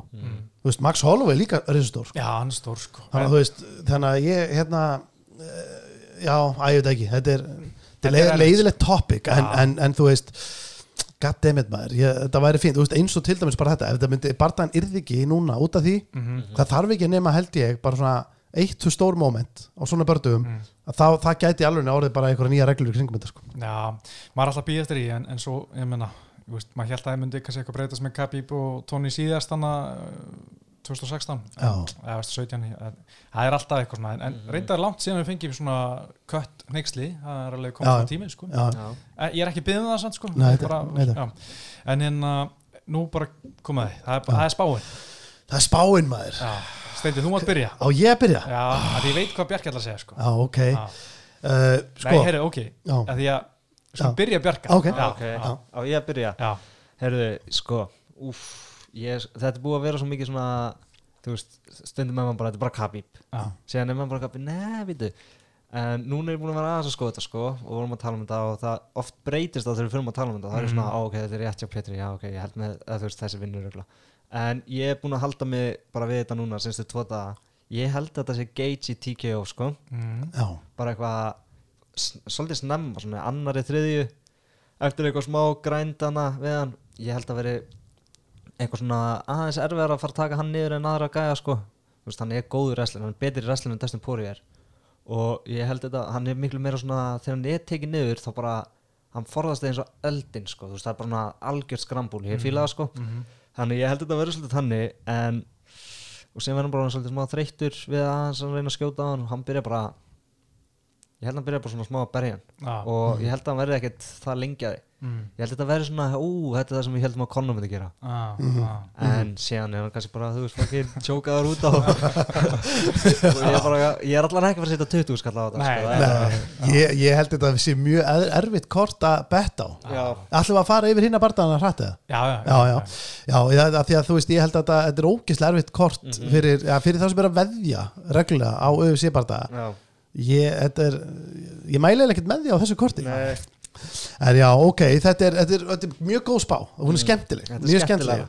Uh, ég aftur á móti er með dögt uh, ég held að ég ég er samt alveg sammála, ég held að vera erfitt að taka niður og ég held að mun alveg ná að standa upp og ég held að þetta verði alveg maus. Þetta verði ekki jafn létt og alltaf. Mm. en ég held að ná hann svo bara ég held að þetta verði svo bara hérna, sama sagan og alltaf að ná hann bara niður og þetta gerist gerist trekk í trekk og, og hérna og ég held að uh, ég held basically að Khabib ég já, ég ætla bara að segja hann er besti uh, MMA barndagamaður mm. sem upphefur verið. Já, ok. Ég ætla að segja það. Og ég, hérna, og ég veit alveg að það eru margir brjálaðir núna sem er að hlusta sem eru náttúrulega tölupósta Já, já, TSP menn og Já. það er Silva, það er fullt af gaurum og allt þetta. Og, en hérna, ég, ætla, ég, ég ætla að segja það. Ég, overall skilur mm Mhm. fatið, þú veist, að, hérna, þá held ég að hann sé það og, og ég held að það sé enginn í lætvikt nokkuð tíman að fara að vinna Já, og ég, þótt að hann myndi hérna, alltaf vera 35-0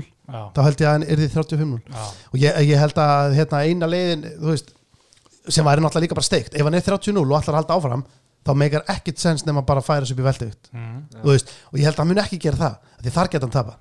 Þú veist, ef, þú- ef við ímyndum okkur aðeins núna bara Khabib á móti Úsmann Mm, ég held reyndar sko, að það er heldur ekkit leiðilegu bardaði sko. nei, nei. en, en hérna ég, ég myndi ekki svona gruna að Úsmann geti kannski haft það Mhm. en samt ekkit safe, Nei. þú veist það er engin Já. safe ég, meina, ég held að það skiptir ekki máli hvað flokkja hann er ég held að Khabib geti alltaf alltaf átt séns á náði niður og halda þeirra sko. En, hérna, en já, ég held að hann verði bara fari, hérna, ge, gera þetta mission sitt, ta- taki, taki 30-0 og, og hérna, og ég held að þetta verði bara mjög svipaði barndagi alltaf já, er hann að fara að klára Justin eða? Hann á, já, hann hlað klára, ég, sko, ég eigum að gíska líka, eigum að taka dítilega spá? Já, svona aðeins aðeins, ok, Svona ég ætla já, ég, ég, er, ég er alveg að flakka á milli hvort þetta fari í dómarákurinn Mhm. sem verði náttúrulega bara, þetta verði bara samileg dómarákurinn, að Khabib bara taki þetta eða hvort að þetta verði eh, sem sagt uh, submission í fjórðu. Já, og ég ætla að segja submission í fjórðu. Já, ok. Bara til að hafa smá fút í þessu. Já, sko ég hérna búin að fara alveg fram og tilbaka í þessu eins og svo alltaf. Mm. Veist, mér, sko ég held svona að ég sé pínu að tippa það að ég nenni ekki að vera alltaf að taka safe choices sko, í Nei. betri minni, ég hef búin að gera það svo oft sko, ég teipa alltaf á ríkjandamistari, ég teipa alltaf á betting favorite og eitthvað þú Já, þú hefur líka oft mjög rétt fyrir þér. Nei, nefnilega ekki sko. Ekki? ekki taka það oft sko, ég, ég er einhver tippleikana og þar er ég bara ég hef alveg stundum unnið, ég er líka stundum í einhverjum miðjum móðið sko, En hvað er þið tippleik? Ég sendi á þig bara Hleypið mér inn í þetta, right now. já. En ég þarna, eins og við tökum alltaf saman hérna spána á Emma-freitir já, eftir árið og þar er Óskar, hann er yfirleitt uh, tippvísar en ég sko. Mm, hann er góður. hann, er, hann er mjög góður. Mm. ég bara, mér langa bara, þú veist að sjá okkar klikka, mér langa bara að sjá Justin Gaethje koma með eitthvað En þú veist, hvernig og- hafið það samt í ykkur, þú veist, að segja þetta eftir að þú veist, pappa sér nýt á þér, hún er langar í 30-0 og þið bara, að ég vona að breytist eitthvað og hann verður bara rótaður. það er líka máli, þú veist, það er MMA guðinir, þeir, þeir vilja ekki sjá neitt eðlilegt, sko, Nei, það er bara svona, það er heyrðu, þannig sko. hann vil 30-0 Ég veit það. tökum þetta núna, 29-1 Já. látum þetta enda þannig. Það, það, er eitthvað þannig, þú veist, en ég held bara þú veist, Khabib, hann næra hann niður fyrstu tvælótunar en samt ekki svona næri ekki, þú veist, stöðunum þess að hérna dækast hann í handcuff og þú veist, bara svona komast í þess að alvöru stöðu til þess að, þú veist, kýla þig og hérna gera alvöru skada, Justin Gaethje nær svona standa upp og en tapar 100% tveim lótum en síðan svona fer Justin Gaethje að verja svellunum sko og fer aðeins að, eins og Bjarki sér, að berja hann sko, mm kýla hann og njá hann og það verður svona leiðilegt og erfitt og síðan bara þú veist þegar er Kabi bara voru þreyttur og desperate í fjórulötu að skjóta inn þá kemur einhver, einhver, ég veit ekki, einhver svona sjövelhúk og bara Er er þetta að fara að taka, þetta TKO? KO? þetta er tíkjó bara í, í senti sko. Þetta er TKO, það er náttúrulega hefur aldrei, hvað hefur aldrei verið kláraður, aldrei. ætla aldrei tapa Aldrei tapað. Uh, og sko, Justin hefur verið kláraður, já, mm ekki oft samt. Hvað? tvö töp og hérna bæði tíki og og Eddie Alvarez já, ekki já, Já, uh, já þetta, er, þetta er hérna, ég fíla alveg að þessi með, þetta er, já, en svo náttúrulega þið eru líka að gleyma, gleyma svolítið að Khabib er með hörku kjálka. já, já, nefnilega sko Það þarf, þarf meira en eitt högg á hann. já, Já. þetta verður svona accumulation sko í lokin sko. Já, já, þetta er bara hann er lamin, hann er brúð þegar þið er að tala um að Khabib muni brotna í fjóruði. Þetta er rosalega spástakar. hann er sko, þú veist hann. hann er þreyttur Já, já. að bara andadrátturinn og púlsinn á fullu og, hérna, og kemur eitt högg sem droppar hann og, og Gaethje bara klára einhverjum Já, já, en þú veist, ég er svona aðeins til að hérna, peppa þess að spá, þá er Já. maður alltaf drullur hrettur, þú veist. Hann er fýtt strækjar, eins og ég kom inn á hann, það er með svona skemmtilega stíl og svona, en maður er alltaf með í maganum þegar hann er einhvern veginn, mann líður alltaf eins og hann vita eða ekki hvað hann er að gera. já. Man er, maður horfir á þetta, maður er bara ok, hann, hann veit ekkert, hvað, hann er bara hérna eins og Ben Askren hérna inni, sko, en, en svo er það ekki þannig, hann er veit nokkurn veginn alveg, Já. og svo náttúrulega náðan að slá Conor það niður á mjög eftirminnum hátt sem var náttúrulega alveg geggjað, en Mm. Já, þetta er mjög skemmtilegt, við erum, við erum, við, þið eru sammála, hvað, Bjarki, hvernig, í hvaða lotu og, Ég held önnur að þriðja sko. Það er svo klassist að segja svona fjóruða sko. Mm. já, eins og Pétur er að segja hérna sko. En ég ætla að henda á okkur svona, bara svona klikkað taktu Já. aðra lotu. Já, ég held Já. önnur sko, Já. frekar en þriðja sko. Já, ég Ok. ég er ánað með þetta sko. Mm en nú loksins fyrir við í annar barða við erum búin að alveg fara yfir allt sem hættar að segja með annar barða Við þurftum að fara ekstra vel í Já, þennan, já. þetta er aðalbardaðin og var- þetta er eitt stæsti bardaðurinn. já, ég var alveg búist við, við erum held ég búin að taka einhverja 50 mínútur í þennan barða en það er bara, það er bara alltaf Já, Robert Vittigur og Jared Cannonier. Þetta er sko frábæbarta mjög mikilvægur í millivitin þetta. Og við hérna úst, að vita allir að já, ef Cannonier vinnur þá hérna, fær hann titilbarta gegn Ísrael Adesanya en þú veist kannski ekki alveg vita hvað gerist ef Vittigur vinnur Mm. en ég veit ekki, þú veist, kannski er fólk svolítið að gleyma Vittigur þú veist, mm. að hann er náttúrulega minn maður skilji, ég er alltaf peppan hérna sko ég veit að þetta er veist- upp á, þetta er þínu uppáðsbæð. Já, svona, kannski fyrir utan, utan gunna og svona, en Já, hérna, þú veist ég held að margir sé að gleyma honum og sé svolítið að hugsa aðeins svo mikið um kanónir og móti Adesanya, sko. Já, sko, ef við spólum aðeins tilbaka líka, þá náttúrulega uh, lendan í, eins og hann segir bara sjálfur, hann var bara uh, burnout. Já, Hann bara æfði yfir sig, uh, lítið með familíni mm, og einhvern veginn uh, neistinn farinn mm, og svo kemur hann aftur, tapar mm. og svo vann hann darinn til síðast í geggjum bara það. Já, geggjum bara það en sko, Gerðist ekkert mikið en bara það var geggjur. var mjög skemmtilegur ég var bara að horfa hann í gerð, sko Hann komin á móti hérna Adesanya það sem var, veist, mað, mér fannst það að vera að flýta sér, sko, það var, þetta var skrítið gameplan Mjög skrítið. en, en, en svona, veist, þetta er kannski það sem ég held að Pálo Costa myndi gera já, já. Hann ætlaði, Robert Vittigar ætlaði bara að gera sama og Kelvin Gastelum en maður var bara eitthvað kjánalega sko. Já, þetta var alltaf sama kombo og svona, Adesanya bara lasa þetta bara í lókinu sko. Já, en ég er líka ánægð með Vittikar menn hann var lengi vel mikið meittur og ekkert mikið að berjast og þannig sko, Mm. en þetta er núna þriði barndagans bara á, úst, 12 mánuðum sko, Adesanya, úst, þar til og svo sem, núna sem segir manni að maður hefur aldrei séð hérna, held ég, vitikar koma vera að berjast með svona stuttum millvili sem þýðir kannski að neistin sé mættur aftur bara með látum sko. Þú veist að hann er alveg til bara, hann er strax til í næsta barda og, og hérna ætlar greinilega bara að reyna að fá titilbarda sér fyrst Mhm. og er, þú veist, ég menna ef hann væri ekki í stuði þá var hann ekki að taka barda þremi mánuðum Nei, síðar. Já. þannig að hann er greinlega í ykkur miklu stuði, en svo er það hérna náttúrulega líka hérna, hann er, hann er hvernig slóst hann síðast, mér finnst að hann það var í hérna köpun Langt síðan, fyrir Gunnar ekki? Gardenu, hann að fyrir í september í fyrra. Er það er meira en ár síðan. Það, það getur nú líka verið vesen. Mm. það er oft vesen fyrir menn að koma eftir ár. Já, já, algjörlega sko. Já, Þetta er líka sko, Jared er svo skrítin guð sko, hann var náttúrulega í þungaðið fór í léttanguðið og núna í millið, bara geggjaður þar sko. Mm. hann er alltaf með einhverja orku steina með sér sem á sko ít út einhverja neikværi orku sko, Yes. elska Já. að sjá svona bullshit sko, þetta er svo mikið sko, hann er að vinna með orku steina jarðarinnar sko. já, já, þetta er alveg geggja sko, labband á tánum og bara aðeins að hjartengja sig sko. Já. en ég, na, já, hann var hann var nefnilega er, er ekki rétt sem mér, kannski er að bulla. Hann var ekkit spes í læt höfveitt og ekki þungað teltur sko. ekki þunga, hann var í þungavíkt já, hann var í þungavíkt Já, og hann var að keppa núna í milliveikt Já, hann var sko í fullri vinnu í þungaðinni sko. Þegar hann var að vinna sko, hann var að vinna bara á einhverjum flug, flugvelli þegar hann var í þungaðinni og sagði, ég ætla að fara niður því ég er búin að safna við næ, næ pening til þess að hætta að vinna. Bara setja töskur á færiband og Já. svo bara heima slást. Já, það sko. og síðan hérna, loksis gata hann hætta að vinna þá var hann í léttanguveikt og þar var hann ekkit stór heldur sko. Og ég menna tapaði fyrir tveimur mönnum uh, hérna, nei, hann tapaði þreymur og fjórum sem hann alltaf nei, sorry, hann, þetta eru fimm bardagar mm. tveir sér að þrjú töp og töpun er á móti góðum gæmi, sko, þetta er Glóti sér Jan Blackwood Mm. og Þú veist, alveg Já, svo fer hann niður í milliðitt, vinnur David Brands, Andersson Silva og svo Jack Hermansson sko. Þannig að, já, sko, Ansson Silva, við getum eiginlega ekki tekið það með fyrst mér. Af því að þú veist hann er bara uh, svona sjómenn sem er bara að elska sporti en tapar alveg, þú veist, hann er ekkert að fara að vinna neitt barða sko. já, þetta er líka það. þannig að þú veist, hann sparkar í löppun á hann og löppun gefur sig eitthvað, hann uh, dettur niður hann já, já, þetta er já, já, býtu, ha, var það bardaginn? Já, þegar hann braut fótinn? Nei, Nei, nei, nei, nei, nei, nei, hann það bara sleiti eitthvað nénu sko.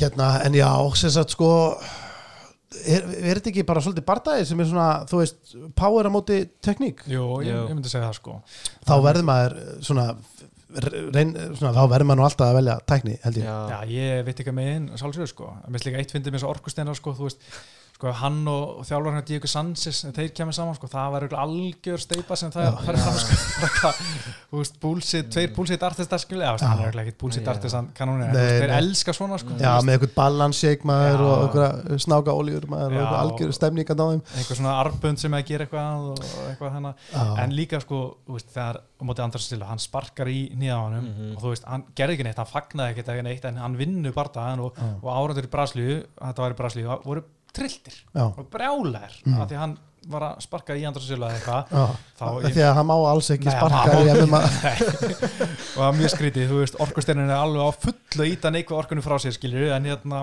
hann satt alveg komið með þess að þú veist, komið frá sér sko, ef hann vinnur vitt ekki, þá er hann bara þá er hann bara skilja frá tilbarta og ekkert að segja því og, Það sem kemur mér óvart í þessu er Robert Whittaker er, er, er underdog í þessum barda, Já. sangat veðmálsíðum Ég held tabi sko já, Já, og það, og það mér, mér finnst flestir segja það. Veist, ég var á hérna að skoða Reddit mm, og það voru flestir á því bara að- að að- að Whittaker myndi tapa þessu. Mm, sem er, sem er, mér finnst ógslag skrítið. Já, mér finnst menn alveg að vera aðeins afskrafa, veit Já, og það má ekki gleyma því, ok, hann er ógislega sterkur þessi gæi, hann var í heavyweight, goddammit maður og hann er, hann er rotari.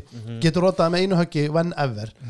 En uh, menn gleyma líka bara að vitt ekki getur rotað sko. Já, þú veist, hann er líka högþungur sko. Og þú veist, og hann tók hérna náttúrulega tvo tvær, tvo fimm barða hérna, fi- fimm lúti barða við, þú veist, Ró- Romero. Já, Já. sko. þannig að þú veist, ég jú, jú, ég meina Já, ég veit ekki, ég sá ekkert mikið að hökun á hann í, hökun á hann í síðastu, síðasta barða, hann mátti dara til, ég, mér fannst þetta Hann var- bara lú- lúka mjög vel. Já, hann var droppar henni fyrstu lútu, hann var með einhvern olbúa Já. Já, já, já. heldur flott sko, en svo bara var hann flottur eftir það hann bara jafnaði sér fljótt og bara, bara solid sko Já, já, en jú, jú, minna, ef hann, ef hann nær honum þá er þetta game over, Já. absolutely, bara spurning hvort að, hérna, veit ekki að ná að forðast, forðast þetta. Ég veit ekki af hverju ég er búin að ég er afskráða hann einhvern veginn Já.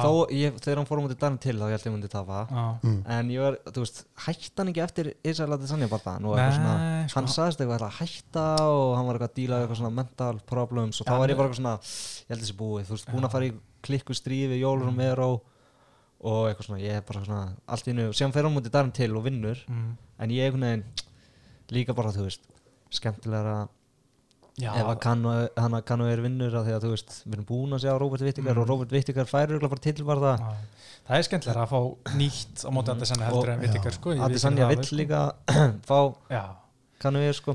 Sko, ég held að ef Vittikar á að fá til bara það þarf hann að slátra kanóni sko. ef hann Mm. vinnur bara eftir dómargun held ég að það verður svona þú veist, ok, hvað ætla að gera með Adesanya sko. Ég held að það muni ekki gerast í þessum barða, það verður engum slátraðan,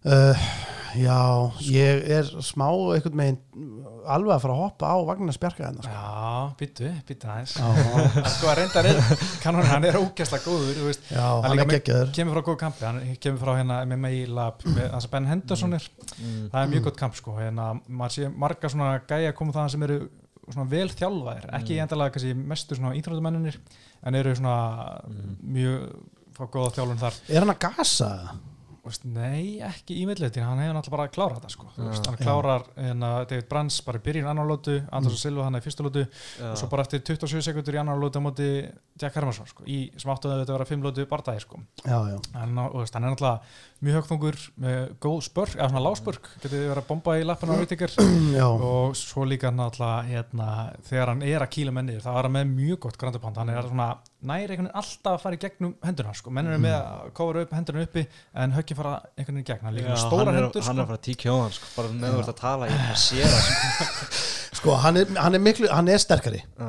alveg 100% Já. og, hérna, og það, ég held að þurfi ekki nema eitt högg til þess að rota Mm. hérna, veit ekki, þú veist, ef hann hittir hann það, ég held að þetta snúist bara um hvaða hérna, veit ekki við fáum Mm. hvaða útgáma við fáum, hvort við fáum einhvern hérna, einhvern vel slappan burnout gæja sem er svona einhvern veginn hálfur inn í þessu eða hvort hann sé bara að fara að mæta og er bara að fara að vera geggjaður Já. þú veist, og manni líður smá til að raukst eða hann mæti geggjaður er í rauninni að því að það eru þrín mánuð sem hann barðist Mm. þú veist, ef hann væri að koma eftir nokk áttamánu eða svona hafa sig út í þetta Já. en hann virðist bara vera vel graður í þetta sko. Já, hann var líka að tala um að hann vildi berjast eitt barða fyrir jólin, svo hann getið ekki jólin off bara fjölskyldinni, fengið að geta eins og vill sko, og, hérna, og svo getur hann fara einbætt sér að að næsta barða eftir jól sko. Mhm. þannig að hann er bara svona að klára þetta og er einmitt alveg svona virka peppaður sko. Já, og, hérna, hann gerir það. En svona spá ég, Mm. eitt þetta með kanónir, ég sá hann í embedded í ger, mér finnst hann virka grenri svona ekki alveg eins ógeðsla massa sko, ég veit ekki hvað er, ég, andla, hann var eitthvað út á hlaupa hann og svitna en kannski er hann í köttinu bara alveg, við eitthvað meini hann var Já, verið, sko. eins ógeðsla stóra bæsabæn eins og síðast fannst mér, en ég veit ekki hann verður það örgulega samt álöðu þetta en sko. já, kannski. En hérna, Bjarki, viltu byrja? já, já, ég er náttúrulega búin að segja mín að spá sko, en í hvað lótu og ég held bara hana, ég held bara aftur eitthvað svona skemmtilegt sko. ég held þetta sé fyrsta lóta sko. já, bara tíkjó, hann Já. bombar hann. Hann er ekkert með eitthvað hann vankast einhvern veginn alltaf Robert Whittaker. Mm hann, þú veist, Ísrael að að klára hann eða tvísvar já, Conor byrja líka oft mjög öflugur? Já. En ég held Já. að hann bomba niður sko. bara fyrsta lóta já, já, mm ég ég væri alveg til að hoppa á þessu spá sko. er alveg, mér finnst hún alveg mjög, mjög sexy sko. en ég ætla, ég ætla að gera eitthvað öðru sí til að hérna, við séum ekki allir með eins uh, og ég, held, ég hef líka bara sterkan grunn um að þetta getur gæst ég ætla að gíska á að, að veit ekki að mæti mjög fókust haldi bara fjarlægið og passi sig ekstra vel á honum. Og þetta verði dómar ákvörðin já, ég er nefnilega sammála því sko. ég held að veit ekki að það verið smá vesin í byrjun, kannski bara svona fyrstu tvær myndunar en svo bara mun veit ekki bara vera með inn- og útreifingar og hérna og bara vera hraðari og hérna svona tæknilega betri. Mm. og þannig ekki vera að taka niður eða neitt, hann bara verður menn útbóksan bara yfir þrjálótur Já. það er mín, mín spá. Já. en nú eru kannski komin aðeins um minni barda þannig að þau fyrir kannski aðeins við getum bara skauta hrætti yfir á, það Mhm. er ekkert mál. Uh, Alexander Volk og Volt Harris. Þetta er náttúrulega þungaðetinn líka. Hérna, ekki líka en hérna þungaðetinn og, og alveg ímislegt í gangi þannig svo sem, um að Valtóri saman búin að vinna fjóru röðu en tapaði sem verið alls þær óver í manna í fyrra Þar voru Eh, MMA guðinir ekki með okkur Nei, af því að hann var nýbúin að missa dóttir sinna Já. Já, Mm. en það er svolítið áfall fyrir hann Mhm. greiði kallinn sko en ég menna hann búið með þennan bara eftir, eftir áfalli hann þarf ekki að tala um þetta lengur veist, í Nei, fjölmjölum nei. sko, ég held að það sé fínt fyrir hann sko, það var eitthvað svona smá léttir sko Algjörlega Mm. en þetta var samt svona mesta órim framist sem við veitum, þú veist, Valtaris byrjaði bara eitthvað að þvílit að keira hann á, niður og hérna, órim bara stóð upp í búri með hendurinn uppi og svo tók hann bara niður og jarða hann sko, Já, þetta var svona ekta reynslan sko. En ég menna, hann er líka orðin 37 ára gamall hann Voltaris sko, er, ég held að það sé búin að toppa, ég held að það sé að fara lengra en þetta sko, hann, er á áttunda sæti á þessum styrkleikalista og hérna Volko Já. nummer 6 og svona, ég held að hann sé bara, þú veist, ekki það tæknilegur, hann sé að fara lengra sko Nei, og líka bara hérna, eins og til dæmis í þessum barða sem við talum, Mm. uh, þá þegar hann lendir niðri, Já, þá er hann einhvern veginn ekki að fara að standa upp Mm. manni finnst hann vera frekar slappur já, í gólunu uh, en ég er ekkert vissum að Volkov sé að fara að vera hvað mikið með hann í gólunu, kannski aðeins en hérna, ég held að þetta verði ég held að þetta verði bara skýrari útgáfa af vitkabarðanum já. þú veist, hann er Volkov miklu herri, Mm. miklu lengri ég held að þetta sé nákvæmlega eins hann er bara að fara að reyna að vera skinsamur og halda hérna distans og, og býða eftir að klára fyrstulótu fyrir bara örugt í gegnum fyrstu. Mhm. þá er þetta kannski svolítið komið bara. Mhm. og hérna en svo getur allt gerst. Ég meina hérna var ekki var það ekki hann sem var rotaður af Derek Lewis? Jú. Já, hann var að rústa það, hann sko. var bara að rústa þessu barða Já. var ekki bara síðustu sekundur. Hann- tíu sekundur eftir. Þannig að ég held að hann hafi lært alveg helling á því. Hann er Já. ekki að fara að gera það aftur. Þannig að þú veist, ég held að þetta ég held að þetta verði bara úrslega svona safe en ég held að hann fara ekki alltaf leið samt. Nei, ok. Ég held að þetta verði nákvæmlega hann að þetta verði hann verði bara mega careful í fyrstu og er bara uh, jafnvel að taka hann bara niður og reynir Já. bara einhvern veginn að uh, kýla skrokkin, gasa hann út alveg bara sem allra fyrst. Og ég held að þetta verði TKO í uh, annar lót Já, já, Björki, hvað? Ég held að þetta sé decision. Hann Alexander vinnur þetta á bara svona pikkar hann apart Já, Já. ég, ég er náttúrulega því, ég held að þetta verði svolítið þannig sko. En ég menn Volko, hann getur látið róta sig hann er sínt að hann, hann er alveg til í að stundum. Derek Lewis bara klára hann hana en ég held einhvern veginn að þurfa aðeins meira en, en Volt Harris til að klára Volko sko. það var bara svo merkilegt með Derek Lewis Vist, ég, ég, ég fagnaði samt þegar það gerðist Já, af því að ég er náttúrulega mikill Derek Lewis maður en, en mér finnst þetta bara svo merkilegt hann er, hann er, hann er risa fokki stór mhm. en það er einhvern veginn maður getur aldrei afskrifað hann Nei. þú veist það, ég skil ekki, hann, hann var ég næði ekki hvernig hann gætt verið með bara smá hérna, orku í tanknum ennþá, Já. síðustu tíu sekundan að rota gæja sko sko, ég er alltaf hérna hissa að Derek Lewis er bara yfir höfu sko top 10 barndana við höfum í þungatinu sko. Veist, hann, er bara, hann, hann er samt geggjaður Já, þú veist, ég meina, þú veist, hann, hann er að rota þessa gæja Ég, ég, ég veit það, ég bara, ég, ég skilða ekki Þú veist, að Nei. maður heldur að, á þessu leveli sem menn svona, já, þú veist, hann gerir þetta bara ég passa með þessu og svo vinn ég bara Já. þú veist, eins og Volkov, þú veist, hann var að rústa honum Já. svo bara tíu sekundur eftir, þú veist, þá bara lætur hann þennan gæja rúta sér ég er alltaf einn hissa á því, en veist, ég á ekki að afskrifa hann, ég bara, nei, nei, það má ekki, það má ekki. Hann er, hann er skemmtilegt Derek Lewis, já, mjög. Við þurfum að sjá hann aftur hvað, hvað er að gerast í honum? Hann er alltaf með einhvern veginn átta brjóskloss og ég heit einhvern kjúklingmaður og kveikni punktum á honum og hann er, hann mjög funny sko.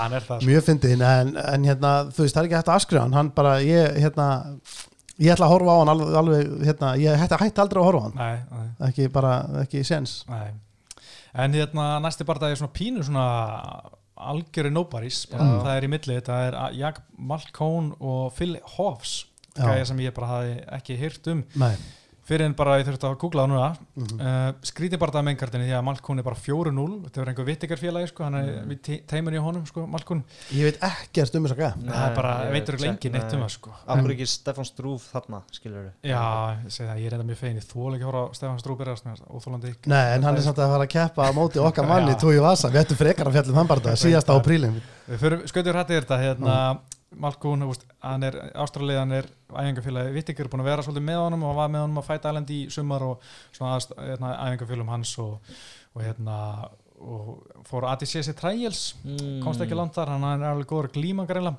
Ég er að skoða myndanum minna, hann stendur hérna bara sko, myndið sem þeirra keira á þau sémenn, Já. ég er bara að mynda honum í einhverjum galla, hérna bara með eitthvað fjólublátt beltu um mitti, sko, Já, ekki meira en það. En akkur er, en, akkur er þetta með þess að þetta óksla skrítin bardagi á þessu korti Nefnilega, sko, ég, sko, auðvitað átti þetta að vera náttúrulega Íslam Markets, ég átti að vera hann á okkur er- barða sem dottu út og hérna og, og þannig, Já. en þú veist, af hverju ekki, ég veit, Alex Oliveira Já, kannski, þú veist, sem er á, hann, er á- er hann á prílims já, Já, já, já. já.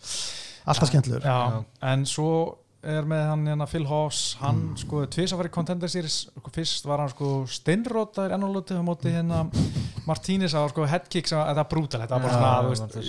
ef ég væri fjölskyldan þá hefði ég ekki vilja sjá þetta með byrjum augum sko, Já, Það ok, var það svona- var þannig. óþægilegt sko. Já, Þetta var 2017, þá var hann bara 4-0 eða eitthvað. Mm. en un- unnið sig upp í USA er núna 8-2, 6 rótök, 2 sub er samt geggja wrestler og hérna, mjög sterkur og explosive svona gæði bara að æfa með Donald Cerrone svolítið, Já. bara í, hjá búkurinn með honum og þannig já. En ég held að það verði bara Malk, hérna, hann rótar Malkun bara í annálötu, bara með einhverju viltri óvrandrætt, ekkit að teknilegast eða flottast eða neitt hann sko. Mm, nei, menn þetta hljómar allavega um, hvað þessi gæjar sem hann hefur verið að mæta þessi, uh, hvað heitir hann, Jakob Malkon Hva, hvaða er þetta er bara, algjöra rækjusamlokur eða er, er einhver, eitthvað nafnað á Nei. bakvið báða gæja eða? bara einhver ástralar sko. En, en, en, en Phil, er hann, búin, hann nú vantilega búin að fæta samt við einhverja gæja vist hann var í contender sér Já, hann tók síðast eh, bara flotta gæja, tók hann og, og róta hann í fyrstu rótu bara með mjög, mjög góðum hérna, hætti sko. en erum við þá ekki bara ofíslega að fara að veðja allir á hann? Jú, í þessu? ég segi tíkjó í annar lótu sko, það er bara þannig. Já, já, ég er bara Það er erfitt að velja sko. Já, ég, ég, maður veit ekki hverju gæðir þetta eru en ég, ég, ég ætla bara að vera sammálaður ég held að þetta verði bara ég meina, ég held að Malkon er ekki mikið séns. Nei, Eh, þú veist, ekki, hann er ekki, búin að slást í neitt nei, og bara mætir hann jú, alveg sexy að sjá 4-0 rekord og svona, en maður má ekki alveg hérna, blindast með því.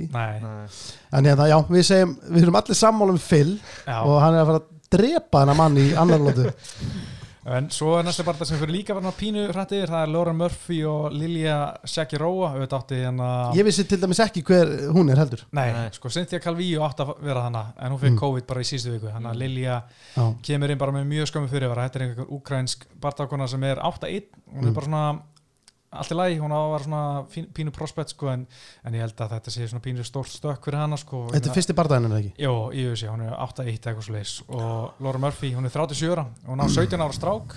Já, það er svolítið magna, hún geti næstu verið amma þú veist, hún gæti alveg þannig sé. Geti næstu bara verið mamma spjarka það munið ekki mikið.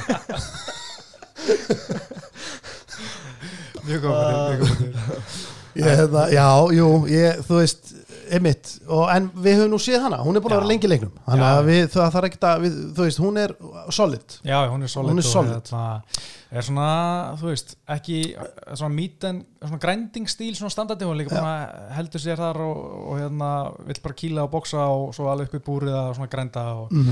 Það er ekkert alltaf skemmtilegast að hún vinnur sko, hún er líka komin í góða stöðu í floknum ég er að myndir að þeim Já, og hún virðist vera miklu stærri já, það sko. það passi ekki mér finnst það svona miklu stærri sko. og hún er helviti sver sko, hún er hérna búin að vera í sá hana í Embedded ekki er, hún er í hörku formi sko, hún er það skorinn. já, mér finnst þetta oft spila meira hérna, í, hjá stelpunum Já, að þeirra er mikil stærðamunur já, mér finnst það einhvern veginn, það hjálpar það meira en hjá, ég veit ekki, að því að veist, það er bara svona, mér finnst oft svona þegar miklu stærri pýr detta að þinn, mhm að hérna, já, ég, ég held að þetta sé Lóri Murphy alveg léttilega. Já, ég, ég er bara að segja henda decision á þetta sko. Já, Decision, Já, ég er líka alltaf team decision þannig sko. já, já, ég ætla þá allavega ég ætla að henda á hún klára þetta. Já bara tí- tíkja á við það já.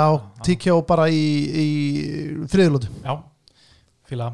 Svo er bardagi sem eh, við höfum þurft að cancela nokkur sinu það er hérna Ian Kutelapa og Magomed Ankalev það er alltaf bara eitthvað grín sko, þú ég næ ekki að bera þetta nafn fram Nei, Hvað, Ankalev?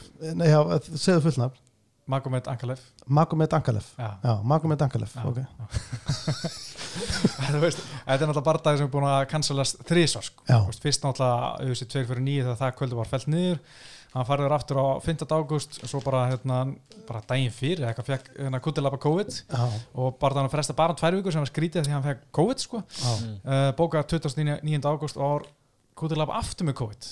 Ég sérstaklega, já, já, já, það voru ekki líka bara tvær vikur? Það er ekki bara ennþá með COVID? Það voru sama, bara, sama COVID ég, hérna, já, en þú veist, þetta er sko, það sem er eina sem er skemmtilega en að barða, finnst mér er að þetta er náttúrulega uh, það var legendir í bardaginn þeirra, síðasti. Þú veist, að því að það var mest það var dómaraskita, já, algjörð að, mm. Ekki bara dómaraskita heldur líka skita hjá hérna, Kutilaba Já, að því að, algjör. að þú veist, að, ég, meina, jú, að, þú veist, skita og ekki skita ég menn hann er þykistur að vangaðir að hann var bara að selja mér að hann var að vangaðir ég held að hann var að vangaðir ég bara var veist- 100% Já, sammála ég man dómar eftir þessu, Bjarki? Já, hann, þetta var hann, geggjað. hann ver, hann ver eitthvað high kick eða eitthvað. Þetta er ekki langt sem þessi bardaði var. Þetta var í februar Já, og hérna og svo er hann bara eitthvað hérna, með eitthvað svona dröngen stæl hann er bara vangaður bara frá byrjun sko. Og hérna sko, mér finnst þetta alveg smá sexy að menn geta farið að vera jazzit upp með eitthvað svona rugli. En þú verður eiginlega held ég að kvista þá dómarinn bara, herr gæ, ég er með smá gameplan í gangi hérna, bara, ég ætla að vera smá vangaður ekki stoppa. Þegar, þú veist, en á móti þá er þetta líka dómaraskita Já. af því að hann var ekki, hann dætt ekki niður hann stó, var bara standandi og hann var að verja sig hann var að kýla frá sér hann var ennþá að slást þannig að það var alveg fráleitt að þetta hafi verið stoppað. Ég man eftir þetta og tekið fyrir í Joe Rogan. Joe Rogan var brjálaður. Já, hann brjálaður. Já, Sko, þú ég- verður sko að þú ætlar að gera svona fake þá verður að feika svona eins og Andersson Silva undir Chris Weidmann, rétt að hann rótaðist þú verður svona að gera það svona eins og þú sér svona smá að dansa sko. þannig að vita allir Já, og það var svona, ó, ó, þetta er fyndið. Já, þetta, já, þetta Ekki feik feika það svona vel. Nei. Nei, en þetta er samt alveg gott, hvað heitir aftur hérna, ó, þetta hefur verið gert áður. Í hérna, í hefiveikt Arlovski, nefnir hvað heitir hann aftur? Hérna hvort það fetur, nei þetta var líka úr öðru. Þetta fetur af einhvern tján farið upp í hliði, eða þú veist upp í geitið og komið svo tilbaka og kýlt einhvern veginn eitthvað, þú veist, gerir náttúrulega ekki svona ykta útgáðu þessu, Nei, ég, en sko ég, þarf að, ég þarf að finna það. Einu sem ég senda á man er gæðin sem fær hann að bodyshotið Já, hann er samt ekki að feika fyrir svona til hliðar já, og gæðin hleypur í hann og hann bara já, geggjað Já. sko. maður held að vera 2004 já, eða- maður held að hann var að feika þetta Já. sko en þú veist, auðvitað er þetta legit trick, þú veist, ef, ef, ef, þú leikur úr sér dvankaður Mm. og gæðin ætlar bara pússa inn Mm, og þú countist það ekki bara þannig mm. þú veist, þetta er, þetta er ekki galið gameplan Nei, en þú eh, verður held ég að láta dómar að vita þetta er sameili skita, finnst mér já, Já. ég sammála því sko en sko, þeir eru loksast að klára þetta ég meina, sko Angalega hann er bara 26 ára gamall, hann er spennandi í, í hérna léttanguvíktinni, reynda fjalla lífið og prófa eitthvað svo sko, en sko þú veist þetta, þetta er svo þessi hræðileg gæjar eru á dælunni sko. þeir eru á dælunni er í læt höfuð sko. Ég þól ekki kútið lappa sko, mér finnst hann ógeðslega pyrrandi Mér finnst hann bara leiðilur, hann er alltaf pyrrað með eitthvað stæla. Þú veist, ég menna sko Ég man á móti hérna en hann er svona eins og gæjar sem þú fílar. Hann kemur einhvern veginn inn í ringin kannski ekki með orkusteina en hann er, hann, hann er alveg með eitthvað í gangi. Já, ég, ég fíla þól hann ekki sko. Ég Já. elska hatt hann sko, mér, ég er gaman að hann sko en, en ég kíkja alltaf að hann berst En ég held aldrei með hann sko. Ég von alltaf steinrótist sko. Já, já, En sko því menna, þú veist Við sáum á móti hérna Khalil Roundtree í viktunni Hann var náttúrulega á kartinum hjá Gunnar síðast. Mm. Í viktunni var hann öskra framan í hann sko Með því líka stæla sko. Er hann ekki oft eins og hölk eða eitthvað? Jú, einmitt, sko, hann var alltaf að mála sig græt sem höfð, Já. hann hættur í núna þú veist, ég er svo sko, marga spurningum með þetta, hann að mála sig, hann mála sig allan græna, þú veist, þetta er ekki bara andlit þetta er allur efri skrokkurinn í viktunni þú veist, bara svo marga spurningar þú veist, ok, hvernig málaningu ætlar að vera með, þú veist, þetta er bara svo mikið vesen er, er hotnamenn að mála? Og bara, fyrir utan bara hversu glata þetta er það er svo mikið vesen, þú eru með svona þrjár manneskjur að hjálpa Já. þér að mála þér bakið og eitthvað, eitthvað staði sem hún kennst ekki nær ekki til. Og þú veist, þetta er og ég sammúla þarna, ég myndi, ég myndi ekki eftir hver það var fyrir hún sagði það núna þegar var þetta hann sem öskraði á gæjan já, já, sem og þegar stóðu og móti og hann var bara, gauðin var bara hissa. Hvað er þetta að gera. Æ, Svo ég líka, vona sko- hann tapi, bara út af því. Ég man líka móti hérna klóti sérja þá var hann búin að sko hafa fyrir að prenta út mynda honum. Mm. og svo viktin svona að reyfa myndina. Já, harður maður. Ah. rífi eitthvað A4 blað prentu, prentu út. Fengið eitthvað starfsmenn á hótelin til að prenta út hérna fyrir eitt skjál og, og rífur hann, þetta er alveg fáraleg sko. já, já, ég hérna en ég verð samt að vikuna þú veist, ég fór og var að lesa með til um minna barda og var eitthvað að skoða þetta ég er eiginlega einhver nær samt. Nei, Nei. þú veist, þetta er, þetta er greinilega bara frekar jafnbardagi. Já, sko mér- svona sangat, svona internetur er þetta jafnbardagi og kannski hérna eða svona, þú veist, þó nokkuð þú veist, hann, hann á alltaf þennan senast á rota og er, er högþungur sko, ég er mikill angaleg maður sko, og lítill kútilaba maður hann, mér fannst kútilaba, nei, angaleg bara allan tíma að vera á rústanum sko, þannig ég ætla bara að segja að það haldi áfram þetta er bara verið, þetta voru 38 sekundir síðast þetta var svona 2 mínútur núna, angaleg bara rótan er bara fyrstu lúti bara eitthvað. Já, þú alveg þar. Já, já, þú veist, kútilaba hann er ekkert, úst, líka, hann, það er gæði sem við sáum í köpinn og mér fannst hann vera ég bara var ekki viss hvort það væri hann, ég maður það var svo lítill hann er þéttur sko sterkur strákur mhm. en ég held að hann væri miklu stærri því ég er hann hann. Þetta er léttanguvikt sko. Þetta er 93 kíló mér finnst hann vera bara svona, ég held að það vera svona millið þetta gæði hann ég komur á orð hvað hann var lítill í, í köpun sko. Mhm. en já, hva, Bjarki, hvað er þín spá? Ég, hann við erum ekki búin að henda neitt submission hann ég vona að Hulk tabi Mhm. og hann ég held að hann vaði inn í eitthvað gíotín hana í fyrstu Já, lótu Þannig að það er Angalef Guillotine í fyrstu lótu Já, Sko, ég held að Angleif mæti hann inn uh, Sigurstrangleiri Sammúl ykkur þar. Uh, En ég ætla að vera með öndurdókin alveg eins og á nokkur stöðum í þessu, ég minna að þú veist vittingar líka öndurdók, þetta er svona öndurdókkartið, mikla. Og hérna ég ætla að segja að hann komi bara kokki inn í þetta, ætli einmitt að klára þetta og taka upp þráðinn, hann sem hann var byrjaðar á um daginn. Og, og hérna og hann uh, bara næra klipan já, bara taka eitt högg á hann og ég ætla að segja að Gúta Labbi muni taka þetta? Mm. ég ætla að segja í fyrstu lótu líka já, En, en ég held ekki með honum. Nei, nei, ég en ég ætla að segja að vinna þetta. Já, ok, skellett Róttök í fyrstu. Eða þú veist ró, e, e, jú, Tíkjó. eða bara tíkjó Já, tíkjó kannski frekar Herri, við, erum, erum komin í 1.33 við erum lítið eftir, eitt barða viðbútt já, já, við erum að, að svíka lofur Stefán Strú og Tæði Túvasa Vist að við gætum verið þetta samt alltaf dag. Það er að hættulega við þetta. Það er nógu eftir sko. Já, við, við, við, gætum þess að fara að taka prílif svo við þurftum að reynda að vera svona gíska kannski svolítið en Já, svolítið sko. Herri, já, tök, er eini príli sem förum í. Já. Það er Stefán Strú og Tæði Túvasa. Og þú ert mikill Túi Vasa maður ég er mikill tói vasamæður uh, og hérna ég, við erum nú svona, ég henda við erum nú oft í bandi þegar barndarnir eru. Við hendum skilabó okkur annan og svona þegar allt er að gerast og ég er nú henda á því þegar hann hefur róta menn og uh, svo er alltaf stemning hann mætir og hérna fer bara á fyrsta aðdánda og tekur, drekkur úr skónum. Hann gerir það alltaf ef hann vinnur. Já, það er erfitt núna. Það er erfitt núna, er ekki, já, hann er, hann er pottitt með bjór kláran. Já, ef hann vinnur þá er hann að fara að opna bjór og drekka úr skó, bara einhverju skó. Uh, en uh, ég vissi það ekki sko, þú sagði mér það bara áðan að þú er alveg sem betur frá sig, hann var búið að kötta hann. Sko, það, ég reyndar allt í nýður að fatta núna Ég held hann hafi verið að djóka sko. Hann er alltaf búin að tapa þreymur röð þá kom einhverjar einhverjar að spyrja hann á Instagram, ég búið að kötta þið og hann bara, já, á skaraf það var eitthvað reddit sko, kom skrýnsett á þessu. Ég held hann bara verið að djóka. Mm. eða þá, það var búið að kötta hann og svo var við sér bara, herru, vantar hérna þunga þetta gæja í oktober þurfum að að hóa í já, hann þannig að ein, búin að tapa þreymur þrísaröð, þú veist, það er náttúrulega móti hún út á samt, hann byrjar náttúrulega rosa vel vinnið þrjá barðar röð og hérna er svaka gæi.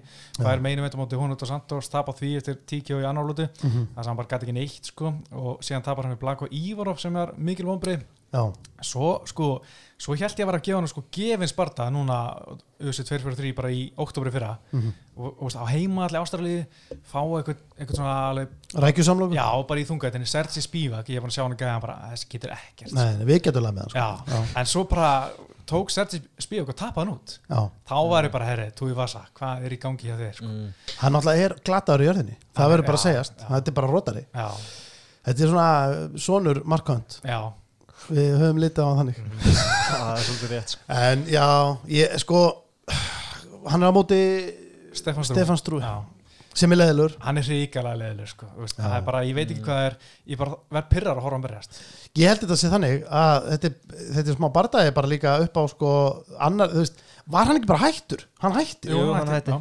Já, það er ekki langt síðan sko. ef einhver hættir Mhm. sem Bjarki, við vorum að tala um þetta á hann Bjarki er komin á, sko, ef einhver hættir í UFC og kemur svo aftur, Mm. Ég myndi aldrei betta á hann. Ég myndi ekki betta á hann. Nefnum Já. hætti svona eins og hennis og hút og eitthvað. Já, hann er að hætta af því að, þú veist, hann er bara, herri, mér langar í mér í pening. Nákvæmlega. En ef, þú- ef nestin er farin og þú Já. mætir aftur Já. Þá, ég ætla ekki að, ég ætla ekki að setja, ég setja ekki minn pening á það, sko. Nei, nei. Já, ég er alveg sammála sko, ég þól ekki Stefán Strú, ég menn aldrei veðja á hann, ég segi bara tæði þú þess að rótar hann Fyrstu í lotu, fyrstu lotu, fyrstu Það bara lotu. comeback, Það er sko. hann þarf comeback. Hann þarf comeback, já, en ef, ef, hann lendur í jörðinni þá náttúrulega er þetta vesen, við erum búin að koma inn á það þá er þetta bara sama, end, þá endur tekur þetta sig aftur, held ég sko, ég held að Tói Vasa, hann, hann er bara liggur hann að flatur á bankinu og, veit ekkert hvað hann að gera hann að tekið niður sko. mér finnst að vera svo mikið svona í hefuveikt Já. að þú veist, gæðin sem kunni ekki glímu Mhm. og, og eru greinilega ekkit mikið að fókusur á að reyna að læra hana eins og ég sé bara einhvern veginn Já. alveg bara búin að gefast upp á því að fara oft er þetta líka eldri gæja sko.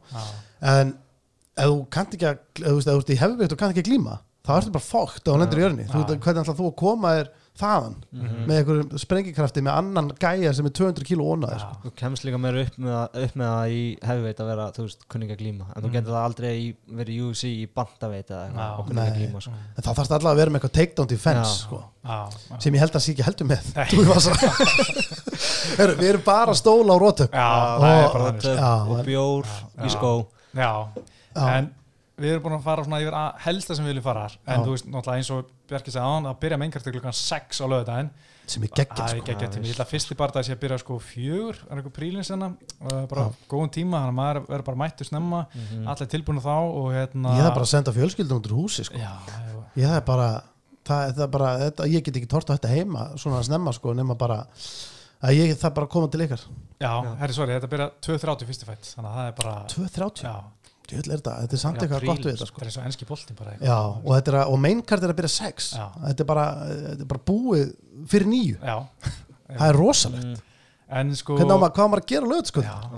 Þetta væri svo mikið veistlega að vera ekki COVID og maður myndi Já. bara fara hann í bæ eftir Já. þetta og eitthvað, það var ekki aðeins já, já, það já, er eitthvað partí Já. og- já, já. Já, á, á Bjarnafel að taka síðasta barða þar í einu af þessum þrúsund sjónstækjum að það Já, Já, ég, hérna, ymmit, þetta er, en þú veist, þetta er, þetta er náttúrulega mjög jákvæmt líka að lögðaskvöldi, það er opið, Já, það nú getur maður bara sæna sig inn og farið, tekið nokkuð kils í of Duty hérna eftir já, þetta. Já.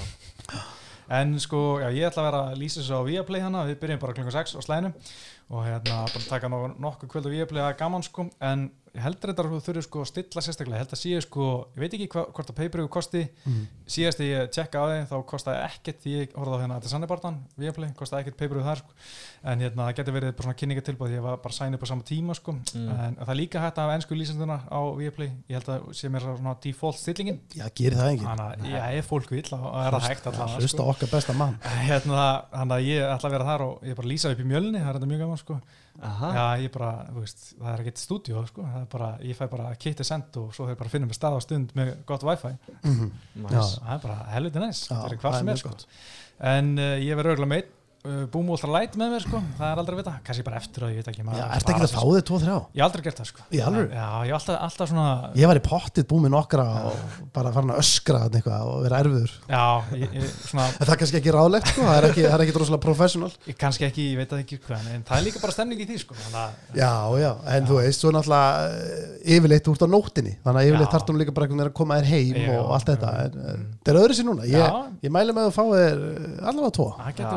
Að að að gerist eitthvað sko. En við ætlum að segja þetta gott uh, Bjarki, hvað ætlum þú að horfa á þetta? Úf, ég veit það ekki, heima eða þá einhverstar hjá með strákunum eða eitthvað, ég var Já. alltaf mynd að senda á kemsliði sko, hvað er það að horfa sko mm. En þú veist það er svo mikið eitthvað, þú veist þetta COVID-dæmi sko já, en við erum að fara að horfa á þetta einhverstaðar sko já, já, sko. Það er ekki margir MMA fíklar í kringum mig, sko. Nei, Uh, en þeir eru alveg eh, nokkrir svona að koma sterkir inn Já. en hérna en, uh, Óli T-félagi minn við, við, við, það er reglaði okkur, við hittumst alltaf og, og horfum á öll kvöld Já þannig að það, við gerum það öruglega Já, vel gert. Herra, ég heiti Pétur og Bjarki og Steindi, takk hjá að vera komuna. Já, takk fyrir Marðan þættur, þáttur og kvittum alltaf til að hóra og lögða þetta og bara verið sæl.